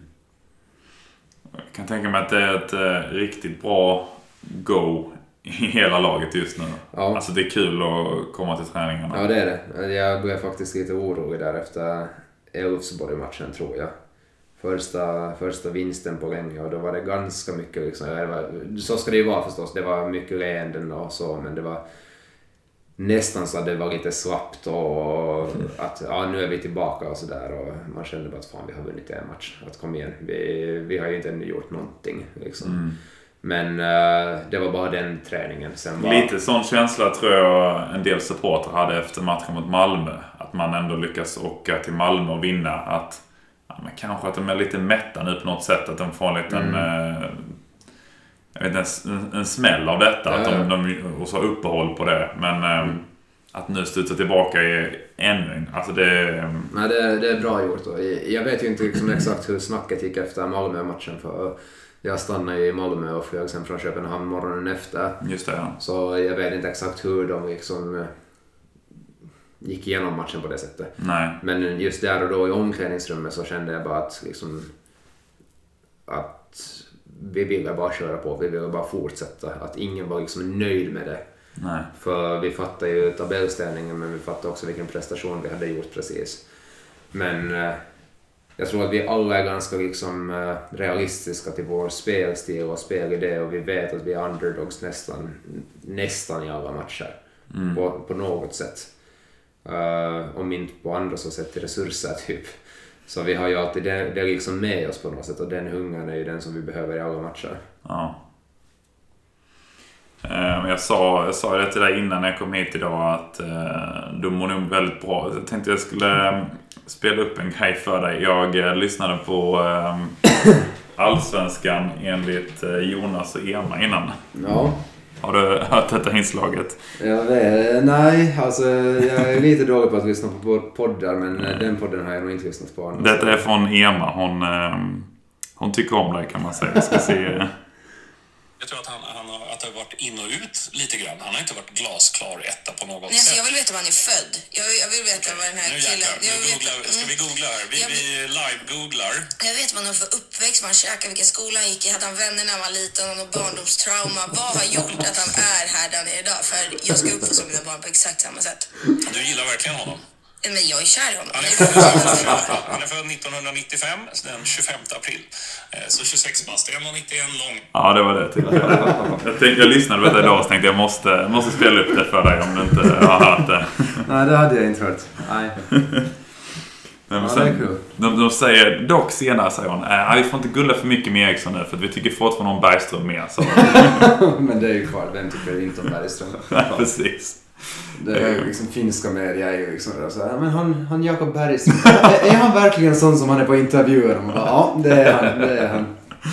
Jag tycker ändå att eh, Bergström har utvecklats eh, det mediala sen han var med i vår podd här. För Ja, då har jag inte så men, mycket ja. minne av att han... Eh, Han på så som han gör nej, Ja, Jag tror att han, han var kanske lite nervös inför poddebuten eller något Så sånt. kan det vara. Vi det måste känns nog, han har blivit mer bekväm nu. så- tillbaka honom. Nu har han ju verkligen sig själv. Ja, precis. Vet inte riktigt vad han ska säga men kör på ändå. Ja, ja. Han slänger ut sig rätt roliga grodor Ja, ibland. verkligen.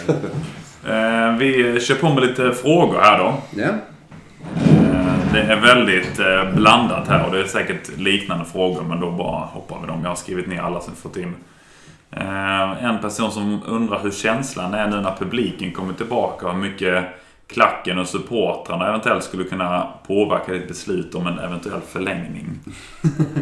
Eh, det är fantastiskt med supportrar. Eh, man har ju vetat liksom hela tiden att man saknar det. Men eh, jag tror att man inte inser hur mycket innan man går ut framför en fullsatt arena igen. Och det var ju liksom, det var ju någonting man såg så otroligt mycket fram emot. Liksom man, har sett, man har väntat på det beslutet hela året att uh, köra med publik. Och sen när det blev just de här när vissa lag eh, krånglar sig runt reglerna och det här med att få 200 pers på 52 olika restauranger på en arena så alltså, jag blev nästan vansinnig för jag tyckte att det var liksom ansvarslöst för det första. Att det fanns en, liksom, det fanns ett sätt, eller det fanns en regel att det inte ska komma folk på match och sen att klubbarna vill kringgå det bara genom att omvandla sina loger till restauranger så jag tycker att det liksom det var ansvarslöst och respektlöst mot besluten som eh, myndigheterna hade tagit. Sen det är en helt annan grej vilken åsikt jag var om de besluten. Jag tyckte ju inte att det var liksom Nej.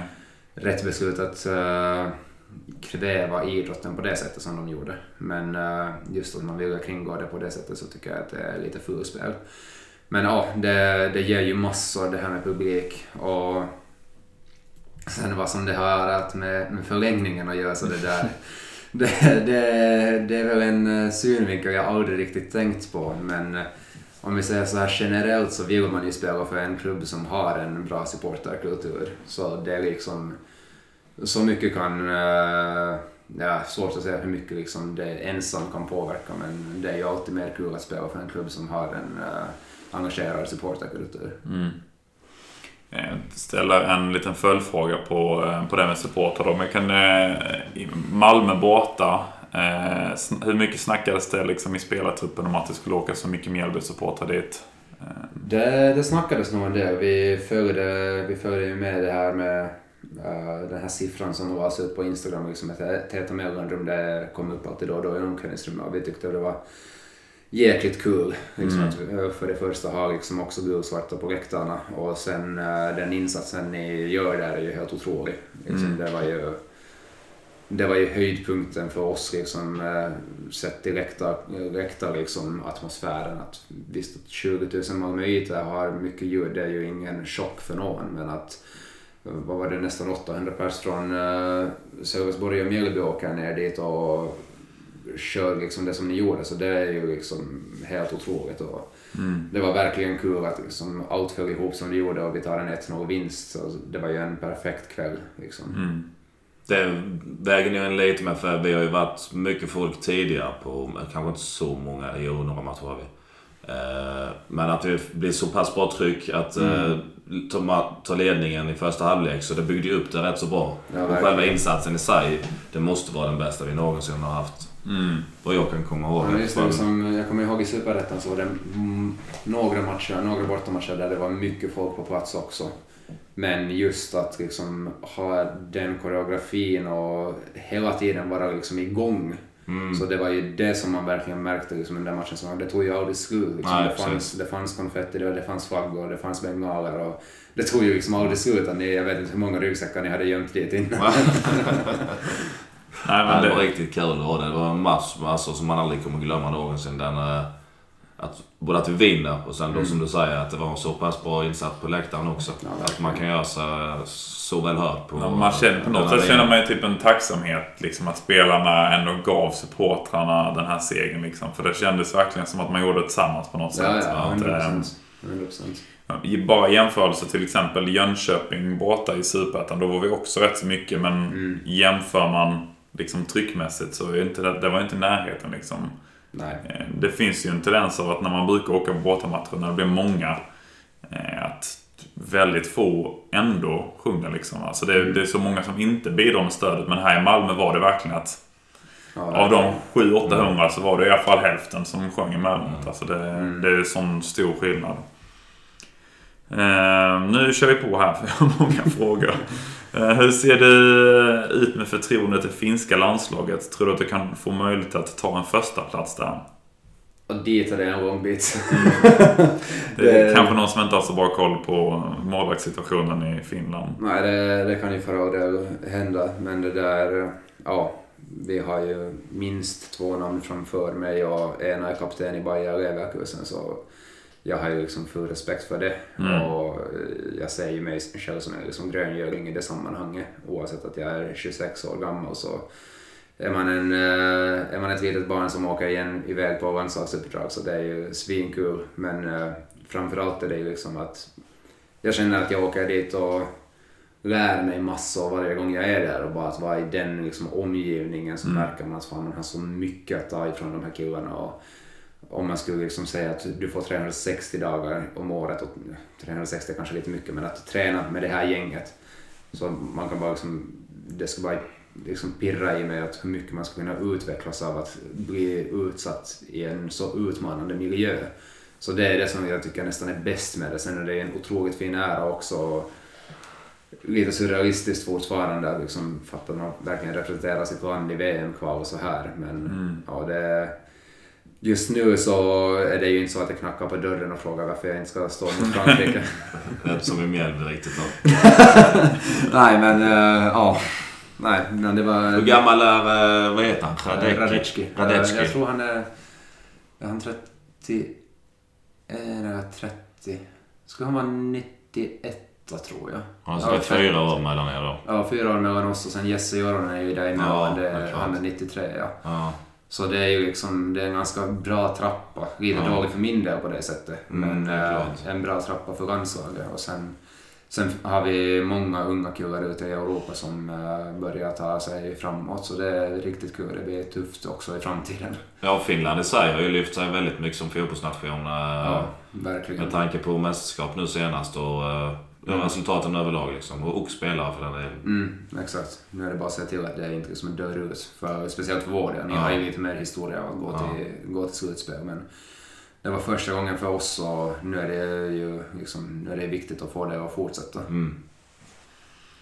Eh, vad spenderar du fritiden med? Fritiden? Uh, I år har det inte blivit så mycket av det men eh, jag är en flitig golfare. Eh, bra vill jag inte kalla mig men jag tycker det är kul. Så Sölvesborgs Golfklubbs uh, skogar har blivit välbekanta här under åren. Uh, sen annars så gamear vi väl ihop en del med Max och Ameri Bragic fortfarande faktiskt. Eh, han hoppar in i chatten rätt så ofta. Eh, Vad spelar ni? Ja, Fifa har det varit nu på sistone när det nya släpptes ut men Ja. jag och Max väntar ju kanske på att Battlefield kommer ut och sen försöker vi att alla andra också hoppar Ja. in där. Men det där... eh, Det, annars så köpte jag en gitarr här i somras som jag pluckar på lite hemma när det känns så... Lite ett och annat alltså. Jag är lite sån att jag kan hitta ett nytt intresse och sen uh, kör jag på det i två veckor och sen blir det något annat igen. Så det har varit allt från fotografering och photoshop till eh, musik och det ena och det andra liksom. Så ja, men ibland så sitter jag bara hemma på soffan och gör absolut ingenting. Så det, det njuter jag mest. En eh, fråga som egentligen längre ner som vi kan ta där då. Men det är någon som undrar vem som är bäst av dig och Amme på Fifa. Ja, jag tror jag såg den frågan på Twitter. Uh, Tjena Rasse. Det där... eh, ja, men jag får väl ta den titeln, men också med tanke på att han lägger så otroligt jävla mycket tid på det. alltså jag tror han spelar mer Fifa än han sover eller är vaken. Liksom, Ja, ja. är så pass ändå alltså. Han, är- han är hängiven. Ja. Jobbet ska göras som han säger. Ja. Hur eh, ser en perfekt bastukväll ut? Uff, ehm, det finns ju liksom uh, olika varianter, men om vi tar den riktigt klassiska utan att supa ihjäl sig så det där, då vore det väl en eh, fin bastu på en stuga vid en sjö. Och sen har man en, ett litet kylskåp där vid sidan om en eller två bärs eller Pepsi Max eller vad, vad fan man än vill dricka. Och det där, sen eh, kan det gå några timmar där fram och tillbaka i bastun, ut och simma, sitta på verandan och snacka och sen in i bastun igen och köra det här om och om igen i ett par timmar sen eh, gå in och käka. Så det är något i den Ska det vara någon speciell temp och björkris frågar de här om. Björkris är fint. Uh, det, det är faktiskt väldigt underskattat och det är sällan man orkar laga ihop det själv heller.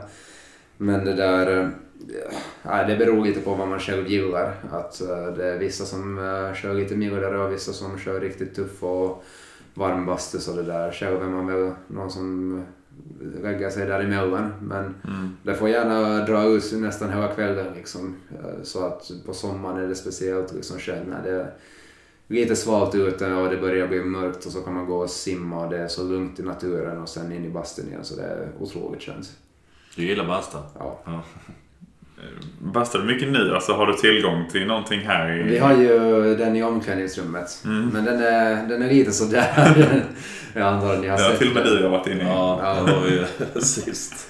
Nej, inte sist. Förra, året när vi gick upp Ja, på när vi gick upp i Superettan. ja. Mm. Nej men den, är- den är lite sådär. Den, den har ju inga egentliga liksom bastustenar i sig så värmen blir lite annorlunda. Den, den har inte en sån viss mjukhet i värmen som får en att njuta av det på rätt sätt. Liksom. Mm. Den slår lite hårt sen när den blir väl varm. Men eh, annars så har jag väl inte, eh, inte gjort det så mycket men det är oftast någonting som man alltid gör när man kommer hem.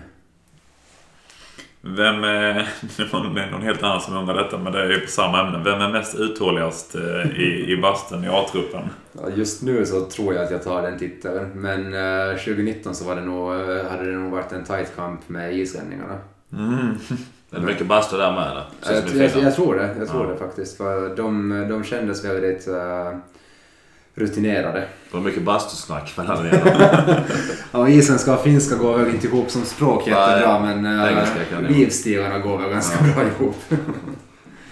Eh, kommer ni spela 10-0-0 i första halvlek mot Blåvitt? Ja, det vet jag inte. Eh, jag, jag, jag tvivlar Ja, det vet du väl.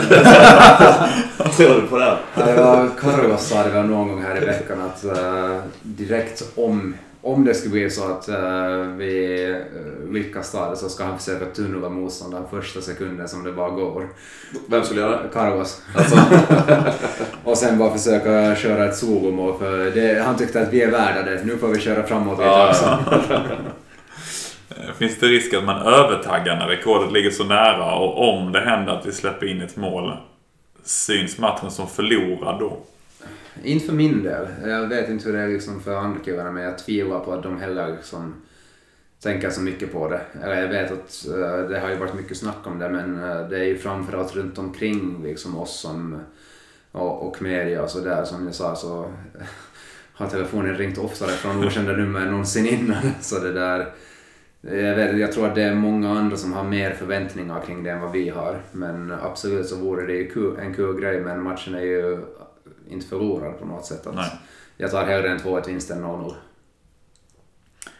Eh, ser du någon särskild förklaring till det framgångsrika samarbetet med backlinjen? Uh, nej, alltså tid, kommunikation och liksom eh, en eh, gemensam vilja helt enkelt att göra det bra och liksom samarbetet och förståelsen i backlinjen kanske framförallt. Att just att det är fyra olika nationaliteter och ett eh, främmande språk för alla kanske förutom Max egentligen. Så det där eh, att vi får det att funka så bra är väl liksom ett tecken på att vi ändå liksom förstår varandra. Och det är väl där det grundar sig. Och det gör vi bra. Liksom Max och jag har ju spelat ihop nu i fyra år så vi känner ju varandra ganska utan och innan. Att det är sällan den ena gör någonting den andra inte förväntar sig. Nej. Men just Ivan och Carlos är ju mindre bekanta liksom tidsmässigt. Men Ivan är ju ganska no nonsense, man ser ganska tydligt vad som kommer att hända. Carlos är ju relativt ny ännu, liksom vi utvecklar ju förhållandet på det sättet fortfarande. Men eh, det har funkat väldigt bra. Han har varit duktig när han kommit in, Carlos. Mm. Över förväntan får man ändå lov att säga. Att han skulle gå in och ta och göra det, vad jag tycker i alla fall, bättre än vad Erik gjorde innan han lämnade. Det Ja, exakt, alltså- som trodde. Nej, sett till hur bra Erik var i år liksom, Ja. eh, så hade man ju knappast förväntat sig att man, hade, man skulle ha fått in en av samma kaliber. Liksom. Nej, precis. Och sen att Carlos kommer in och gör det liksom så pass bra som han har gjort det så det, det är väldigt skönt för oss. Mm. Liksom. Och väldigt skönt att få en sån personlighet också in i omklädningsrummet Ja. som är liksom, eh, Han känns genuin. ja verkligen liksom konstant glad och snackar och vill allas bästa och sådär. Så Mm. det, det är också ett plustecken. Det var någon som undrade vad Carlos han säger till dig när han springer fram och kramar om dig. Ja, det, det kan variera. Oftast så kommer det väl någonting på spanska eller engelska eller så. Men, Spanska, så du förstår inte vad han säger. Jag förstår- Vamos kanske? Ja, exakt. Ja. Det, jag har tillräckligt liksom, jag, Juan har ju ändå kört de här spanska svordomarna igenom. Så man, Ja, man har lärt sig ett par av dem. Men det där, nej, det är alltså det basic grejer som man kan tänka sig egentligen. Mm. Inga liksom konstiga eh, konstigheter där. Bara lite beröm och så. Sånt som vi försöker ge varandra när vi gör det bra. Han är grym han. Jag- Alltså jag tror det är en av de bästa mittbackarna. Och, och, om man bedömer bara på de matcherna han har spelat nu så är det en av de bästa mittbackarna jag har sett i Mjällby. Ja, visst är det. Men det är ändå ofta han springer fram. Eh, Ja, ja. Typ både dig och andra liksom. Och Ja, verkligen. verkligen. Han, han eh, liksom. Vi, vi snackade lite om det då när han kom in och vi båda var liksom överens om det att vi vill få lite den här ah, Juventus-kulturen som de hade då med Bonucci, Ja. Chiellini och Buffon. Så vi tänkte att ja, men, kör på det lite liksom, att, bara liksom för att stärka upp det och sen, sen är han ju genuint också så han behöver ju inte liksom göra det bara för att utan han gör det ju också Ibland gör, det han, gör han det för att slösa tid, ibland gör han det för att han verkligen vill göra det Ja. och sådär. Så det finns ju ofta en tanke bakom det. Ska vi se här. Vilken betydelse har Mjällby haft för dig som målvakt? Det hade ju absolut, alltså stor, självklart. Det är liksom här jag blivit den målvakt jag är idag tycker jag ändå på något sätt. Så det där, här har jag fått uh, chansen även om den kom efter några liksom svängar och sådär så som målvakt är det ju svårt att liksom lägga liksom fingret på att jag kom ändå, jag var ju 24 år gammal när jag kom hit tror jag. Så det där, det är ju inte, är 23 var jag ju.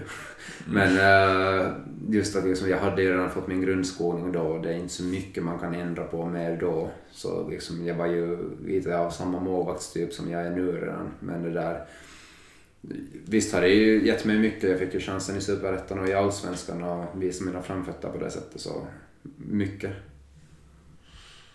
Eh, hur var det att debutera i, i landslaget och varför tror du Finland blivit starkare på senare år? Samt, vad tror du om chansen att nå VM?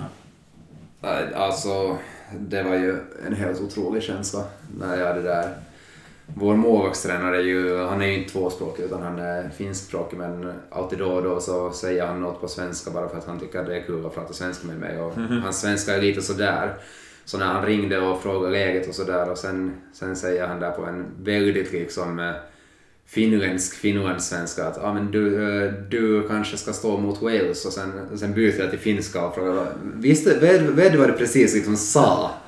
Att jag vill bara dubbelkolla det här. Att, så han, ja, att, eh, jo, jo, att det stämmer nog. Så det, där, nej, det var en otroligt fin känsla. Väldigt liksom, stolt såklart och det var någonting man hade drömt om sen man var liksom riktigt liten. Så otroligt fint. Och Sen redan straff med på det. Ja, det, det var ju liksom eh, icing on the cake eh, där. Men ja, man, eh, man var ju någonstans på morgonen liksom resten av dagen. Blir du lite rörd eh, efter ni lagt på då? Eller sentimental eller vad Jo, jo, absolut. Att det var ju... Det är ändå en stor grej. Ja, framför, framförallt liksom då när de spelade upp uh, nationalsången. Så det var ju då det liksom slog in mest Ja. på något sätt. Det var inte liksom uppvärmningen gick helt fine och gå ut ur spelartunneln men just liksom uh, höra nationalsången och få sjunga den på planen istället för läktaren och liksom Ja. exakt som man hade tänkt göra det i Helsingfors där man är uppväxt och sådär så. Det var, ja, det var, det var stort. Men eh, vad det beror på att vi blivit bra nu plöts- plötsligt, så det, där, det, det har jag inget liksom konkret svar på. Vi har ju framförallt just det att vi har liksom haft många klassspelare och att vi har haft många som växt upp liksom efter de här, våra ikoner, Hypia och Littmannen och de här. Så jag är ju den generationen som kollar upp på dem och de är liksom fem år äldre än mig så de är ju också i den generationen. De Mm. kommit i liksom fotspåren av dem.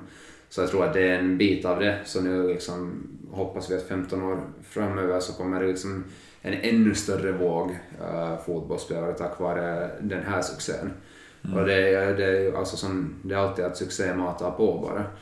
Och jag tror att det är, liksom, det är grejen framför allt. Och sen har ju liksom nivån på tränarna blivit bättre och resurserna blivit större och sådär så det påverkar ju naturligtvis att det finns möjligheter att utföra fotboll på ett annat sätt.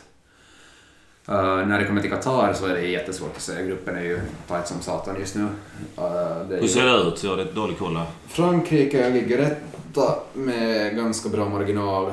Sen är Ukraina, Bosnien och vi typ nästan lika på poäng. Mm. Uh, Ukraina har... De har väl bara en match kvar och den är mot Bosnien.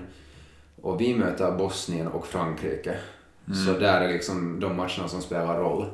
Sen har Frankrike väl en match mot Kazakstan men den spelar egentligen ingen roll. Men ni skulle kunna klara er då på en vinst. En vinst och sen... Om de kryssar. Ja, exakt. Mm. Så den nästa matchen mot Bosnien blir livsviktig. Där, ja. Bosnien borta blir... Ser är som ju, Ukraina och Ja. Bosnien kryssar. ja, Eller om Bosnien vinner. ja det, då beror det ju på målskillnad också, tror jag. Men Bosnien borta är ingen lätt, liksom, lätt motståndare. Nej, det är ju två svenskar med mig. Både Ja, sant, ja. och han. Vi satt och kollade på... Tre till och med. Jag vet inte om han är med. Han eh, Dennis eh, had, Han som var i Malmö innan också. Som gick som ungdomsspelare till Ryssland. Jag vet jag inte. Kan jag kolla. Vad heter han i efternamn? Någonting på... Ah, där är han. Dumic. Nej, där är han. Hadzika Dunic. Ja, han har varit i Malmö Aha. också. Malmö FF. Trelleborg. Jag visste Men vi inte satt och kollade på Bosnien-Ukraina där efter vår match. Och sen jag och Jonna Toivio satt där och sen kom vi fan är det där Adinalic? Att vi bägge visste att Ahmed Hodzic spelade där. Men Ja. så, så, så, fan visste du att Nagic eh, representerar Bosnien? Nej, nej. Men okej. Jo, Han startade ju till och med sen. Ja, exakt. Ja. Men eh, ja, det hade jag missat helt och hållet. Ja. Men ja. Eh, då ska vi se här. Eh, vad tuggar du för tuggummi? Det är ett finskt märke med hallon och lakritssmak. Var du beställde på nätet då? Nej, jag köper det alltid med när jag är hemma. Ja. Så jag har ett Gävlevass där hemma i, Ja, i skåpet. det måste du ha. Är det rutin som Ja. sitter? Ska- Hallon lakrits, det låter gott. Mm. Eh, vad lyssnar du helst på för musik? Det beror jättemycket på eh, hur jag känner mig där. och då. Jag, jag är riktigt mångsidig på musikfronten. Det kan vara allt från liksom rap till hårdrock och allt däremellan egentligen. Att det jag har svårt för är väl liksom riktigt, riktigt klassiskt sån här uh, ja, jazz är lite sådär. Mm. Och eh, modern rap är också, det har jag lite svårt för. Den här nya trenden som har kommit in är inte kanske riktigt i min smak. Men uh, mer liksom klassisk rap och sådär. Så det, det funkar bra. Och techno, electro house, uh, allt, pop, liksom vad som helst egentligen. Mm. Eh, vad tycker du om Dogges trolleri? Det är då jag då alltså. Ja, nej, men det, var, det var ju riktigt imponerande då i fjol också. Så Ja, jag tror det är det klippet han syftar på som... eh, det kan hända. Nej, jag, var, jag var riktigt impad. Jag hade ju råkat se tricket någon gång på YouTube. Mm. Och det där, eh, sen tänkte jag att fan att nu, nu- nu ska jag liksom försöka kolla och lista ut det men eh, det går ju fan inte. Så riktigt imponerad. Ja, tack. Eh, vem tar mest bänkpress i laget? Jag vet inte faktiskt för det är så sällan vi bänkar. Men eh, jag skulle nästan... eh, Elias Andersson är rätt så stark där. Uh, åtminstone så påstår han själv att han tagit mer också innan. Men Mhm. eh, just nu är han ganska stark. Sen skulle jag ju inte liksom räkna bort Jakob Bergström på något sätt heller. Nej. Men uh, ja, titeln går väl till någon av de två skulle jag nästan tippa. Om inte någon, någon liksom som gömt sig undan uh, Mm. förvånar. Sam Johnson kanske, jag vet inte. Nej. Eh, Sillastribbarna Junior undrar varför du är så bra just nu. Uh, ja, det har jag inget liksom, konkret svar på. Det är lite som jag sa här innan att målvaktens kvalitet är väl alltid lite sett i omständigheterna. Att man, uh, man jag, säger, jag tycker ju inte att jag är en bättre målvakt än jag var för tre månader sedan. Men nu bara att jag har fått spela och vi råkar ha den här trenden som får mig att framstå som, som en bra målvakt. Att, eh, det var ju liksom, jag pratade med någon reporter här, här idag eller igår, jag kommer inte ihåg, som sa att men, du är ju typ en av de bästa tre målvakterna i Allsvenskan. Jag kan så vara mot han tyckte det liksom i januari. Och det är inte så stor skillnad som hänt liksom sen januari. Så det är ju liksom, det är lite alltid att, vilket perspektiv man kollar ifrån. Ja, det hänger ihop med en helhet med hur mycket, Exakt. hur mycket målchans laget släpper till. Liksom. Ja men exakt, exakt. Ehm, på tal om det då, vem skulle du säga är Allsvenskans bästa målvakt? Uh, I år så skulle jag ge den titeln eh, till antingen Jakob Widell Zetterström, Tim Rönning eller... Nu tappar jag namnet på någon. Vem tänkte jag på? Ja, men alltså oavsett, det finns många men uh, givet... Malcolm i eh, Halmstad kanske? Exakt, han har varit otroligt grym i år. Uh, men sen alltså det finns ju, det finns, jag tycker det finns otroligt många klassmålvakter i Allsvenskan. Att det är just att nu får ju äntligen Malcolm visa upp sig. Han har ju varit i Halmstad länge. Det är ingen som har snackat om honom. Nej. Nu, liksom, nu, han, nu framstår han som, han som en av Allsvenskans bästa med all rätt. Liksom, sen är det ju mer sällsynt att man ser att eh, någon som Widell Zetterström, 23 bast, gör sina första matcher och presterar på den nivån han gjort. Och sen är det ju Nordfeldt i AIK förstås, liksom, kommer hem från utlandet och alla vet vilken kvalitet han besitter och detsamma med Johan Dahlin. Så det är liksom, det är ju många bra så det är ju svårt att pricka ut vem som är bäst. Mm. Eh, vilken titel skulle du helst vilja vinna? Ja, världsmästerskapet eh, naturligtvis, men eh, går man på klubblag så Champions League. Ja, kändes som ett givet svar där. Eh, vad gillar du mest med att stå i mål? ja, alltså jag vet inte helt ärligt. Det är väl alltså... eh, Delvis det att man är en individ i en lagsport, så att det är så annorlunda från allt annat. Det är en annorlunda liksom press man har på sig, det är en annorlunda roll. Hela det att det är lite annorlunda tror jag att, tror jag att det är lite det som är min grej i det. Att på sätt och vis känner jag att jag hade kanske passat in bättre som eh, i någon individuell sportgren men samtidigt så ska jag aldrig byta bort det här omklädningsrum-snacket och det att pres- äh, prestera i ett lag äh, gör det så mycket bättre än att bara vara ensam. Men just att som målvakt får du lite bägge. Så. Mm. Eh, någon som undrar om du kommer börja jävlas med Asper om du skulle slå hans rekord? jag vet inte om jag skulle våga göra det. men det där, nej. eh, nej, det ska jag nog inte göra. Det ska jag nog inte göra. En liten pik kanske. Ja, något Eh, sånt. Hur många? Det var typ 20-25 minuter till, till hans rekord eller? Mm, det var kring 10 minuter mindre Ja, det var det. rekordet. Något sånt. Eh, hur bra tror du att du kan bli? Det får vi se. Mm. Det, det vill jag gärna ta reda på. Det är svårt att säga. Men eh, ja, vi får se. Har du något eget uppbyggt mål eh, så här liksom tänkt att fan det här, det här ska jag se till att lyckas med och då blir jag verkligen nöjd. Och landslaget var en av de grejerna. Mm. Eh, men Nu har du ju tagit den ju så... ja, men det finns mycket annat med. Men det där samma drömmar som man hade som liksom 5-6-åring. Att man vill spela Champions League, man vill spela Ja, klart Spanien, Italien, England. ja, exakt. Så det är liksom de drömmarna som liksom kör en framåt. Och sen tror jag att det är lite, lite att får man uh, smaka en smutta på det så vill man inte liksom sluta. Så Nej. det, det är lite sådär att jag har alltid varit driven av framgång på något sätt. Men eh, sen måste det ju hända liksom i rätt omständigheter. Eh, slutligen sista frågan som de flest har ställt. När skriver du på nytt kontrakt? Eh, ja. eh, Det kan jag ju med gå ihop på. Men det undrar jag med. ja. Ja, nej men eh, jag får köra en Joel Nilsson här och säga att det är inget jag tänker på just nu. En fundering på det eller? nej men det, är- det är väldigt klyschigt jag vet men det är liksom helt ärligt så det är ju liksom också mina tankar kring det. Liksom vi har så mycket att spela för just nu. Att eh, jag vill inte lägga för mycket tankar på det. det. Jag vill bara fortsätta med det som vi kört nu och sen eh, se vart det leder helt enkelt. Men eh, jag tror det var Bergen som frågade här, häromdagen helt så att Kalle kan jag ställa en fråga som du ska svara ärligt på? Och jag bara, ja visst, har du skrivit på för en annan klubb? Så jag bara, nej. nej. Eh, Är du redan klar för någon annan? Så nej, nej, så det är inget liksom åt vilket håll som helst. Så, Har, det, har det spekulerats om det eller vad, vad har han hittat på? Det? nej, jag, jag vet inte varifrån den frågan kom helt ärligt. Så det där, nej, jag, jag har inte det där eh, haft någon kontakt med någon, någon klubb överhuvudtaget. Alltså jag kan ju förstå att man avvaktar som spelare i din position, Joels position, Max. Alltså position när vi ligger där vi ligger. För även om det har gått jättebra nu som du har så är det liksom det är två förluster om vi har gjort det.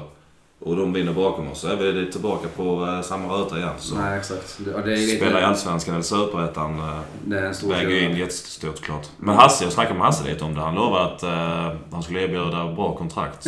så det vet jag redan om. Så lyssna på Hasse. Ja.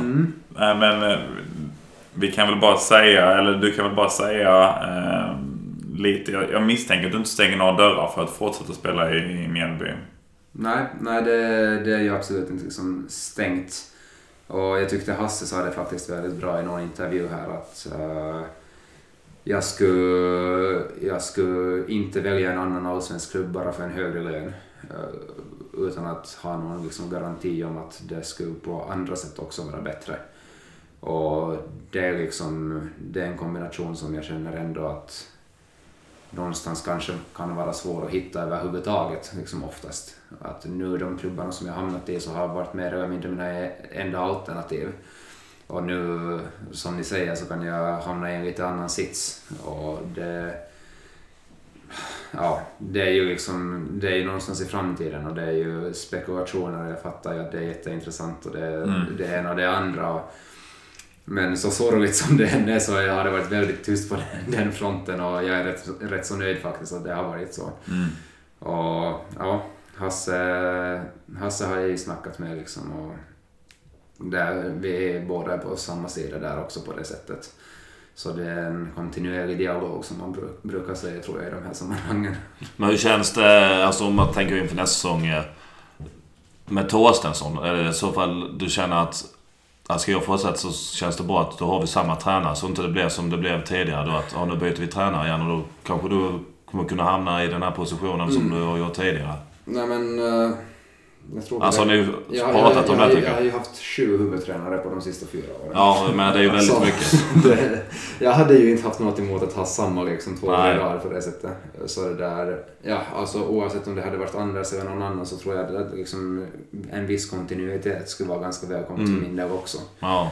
Så det där, Så känner väl nästan, nu har jag sagt jag avbryter, men nästan hela föreningen borde ju känna så nu att nu Jag tror, kanske vi jag, jag, både... tror, jag tror någonstans att de känner det med. Sen är det ju liksom att vad Anders vill, hur, Ja. hur liksom investerad vill han bli i långtidsprojektet, det är ju frågor som jag inte kan svara på men som, eh, som säkerligen diskuteras också. Ja. Liksom, och det är där hela den biten den kommer att avgöras tror jag. Ja, vi hade ju den här förra avsnittet pratade med honom. Han visste ju själv inte liksom uh, varken ut eller in i den frågan kändes som.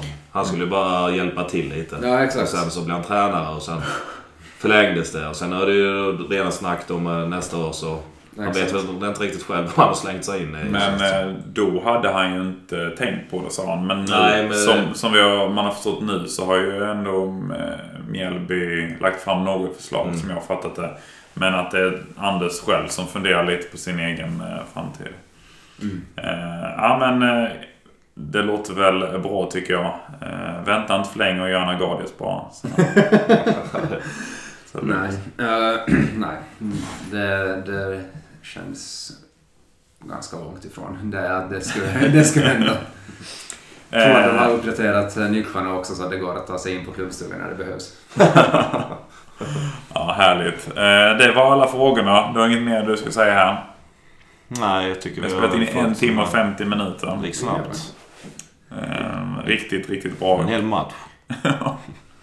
Kul eh, att ha med dig här Kalle. Kul att du kom. Ja, Kul, det var väldigt kul. kul. Ja. Eh, tack så mycket säger vi och eh, tack till ni som lyssnar så är vi tillbaka en annan gång. Du kan väl ha något tips på någon, någon i laget som skulle kunna vara en, en bra poddgäst? Mm, alltså ni har ju kört igenom de flesta tror jag. Uh, Bergan kanske ska vara lite mer rutinerad och lite mer avslappnad nu den här Ja. gången. Uh, Ludde Karlius kan ju vara ganska småkul alltid då och då. Men det där, ja det är ju... Samuel har vi inte, han kanske har varit kul att med. Han känns ändå ganska professionell Ja, det eh, i sitt det sätt med. Men är det, är det verkligen professionella killar ni vill ha? Nej, det är klart. Men ni kan ju till exempel ta Bagarns son. Han kan ju ha någon rolig historia och slänga fram Otto. Mm. Ja. Den är inte dum. Men eh, Bergan borde vara med igen tycker jag. ja, det tycker jag. Men, och, eh, om ni inte haft Juan Robledo så är det ju ett måste. Ja, Juan. Vi har faktiskt frågat Juan en gång men då sa han att inte han var så sugen. Men jag får kolla med han igen. Gjorde du det? Var det Nej, jag har gjort det för det var typ två år sedan. Ja. Och då sa han att jag skulle fråga EPG.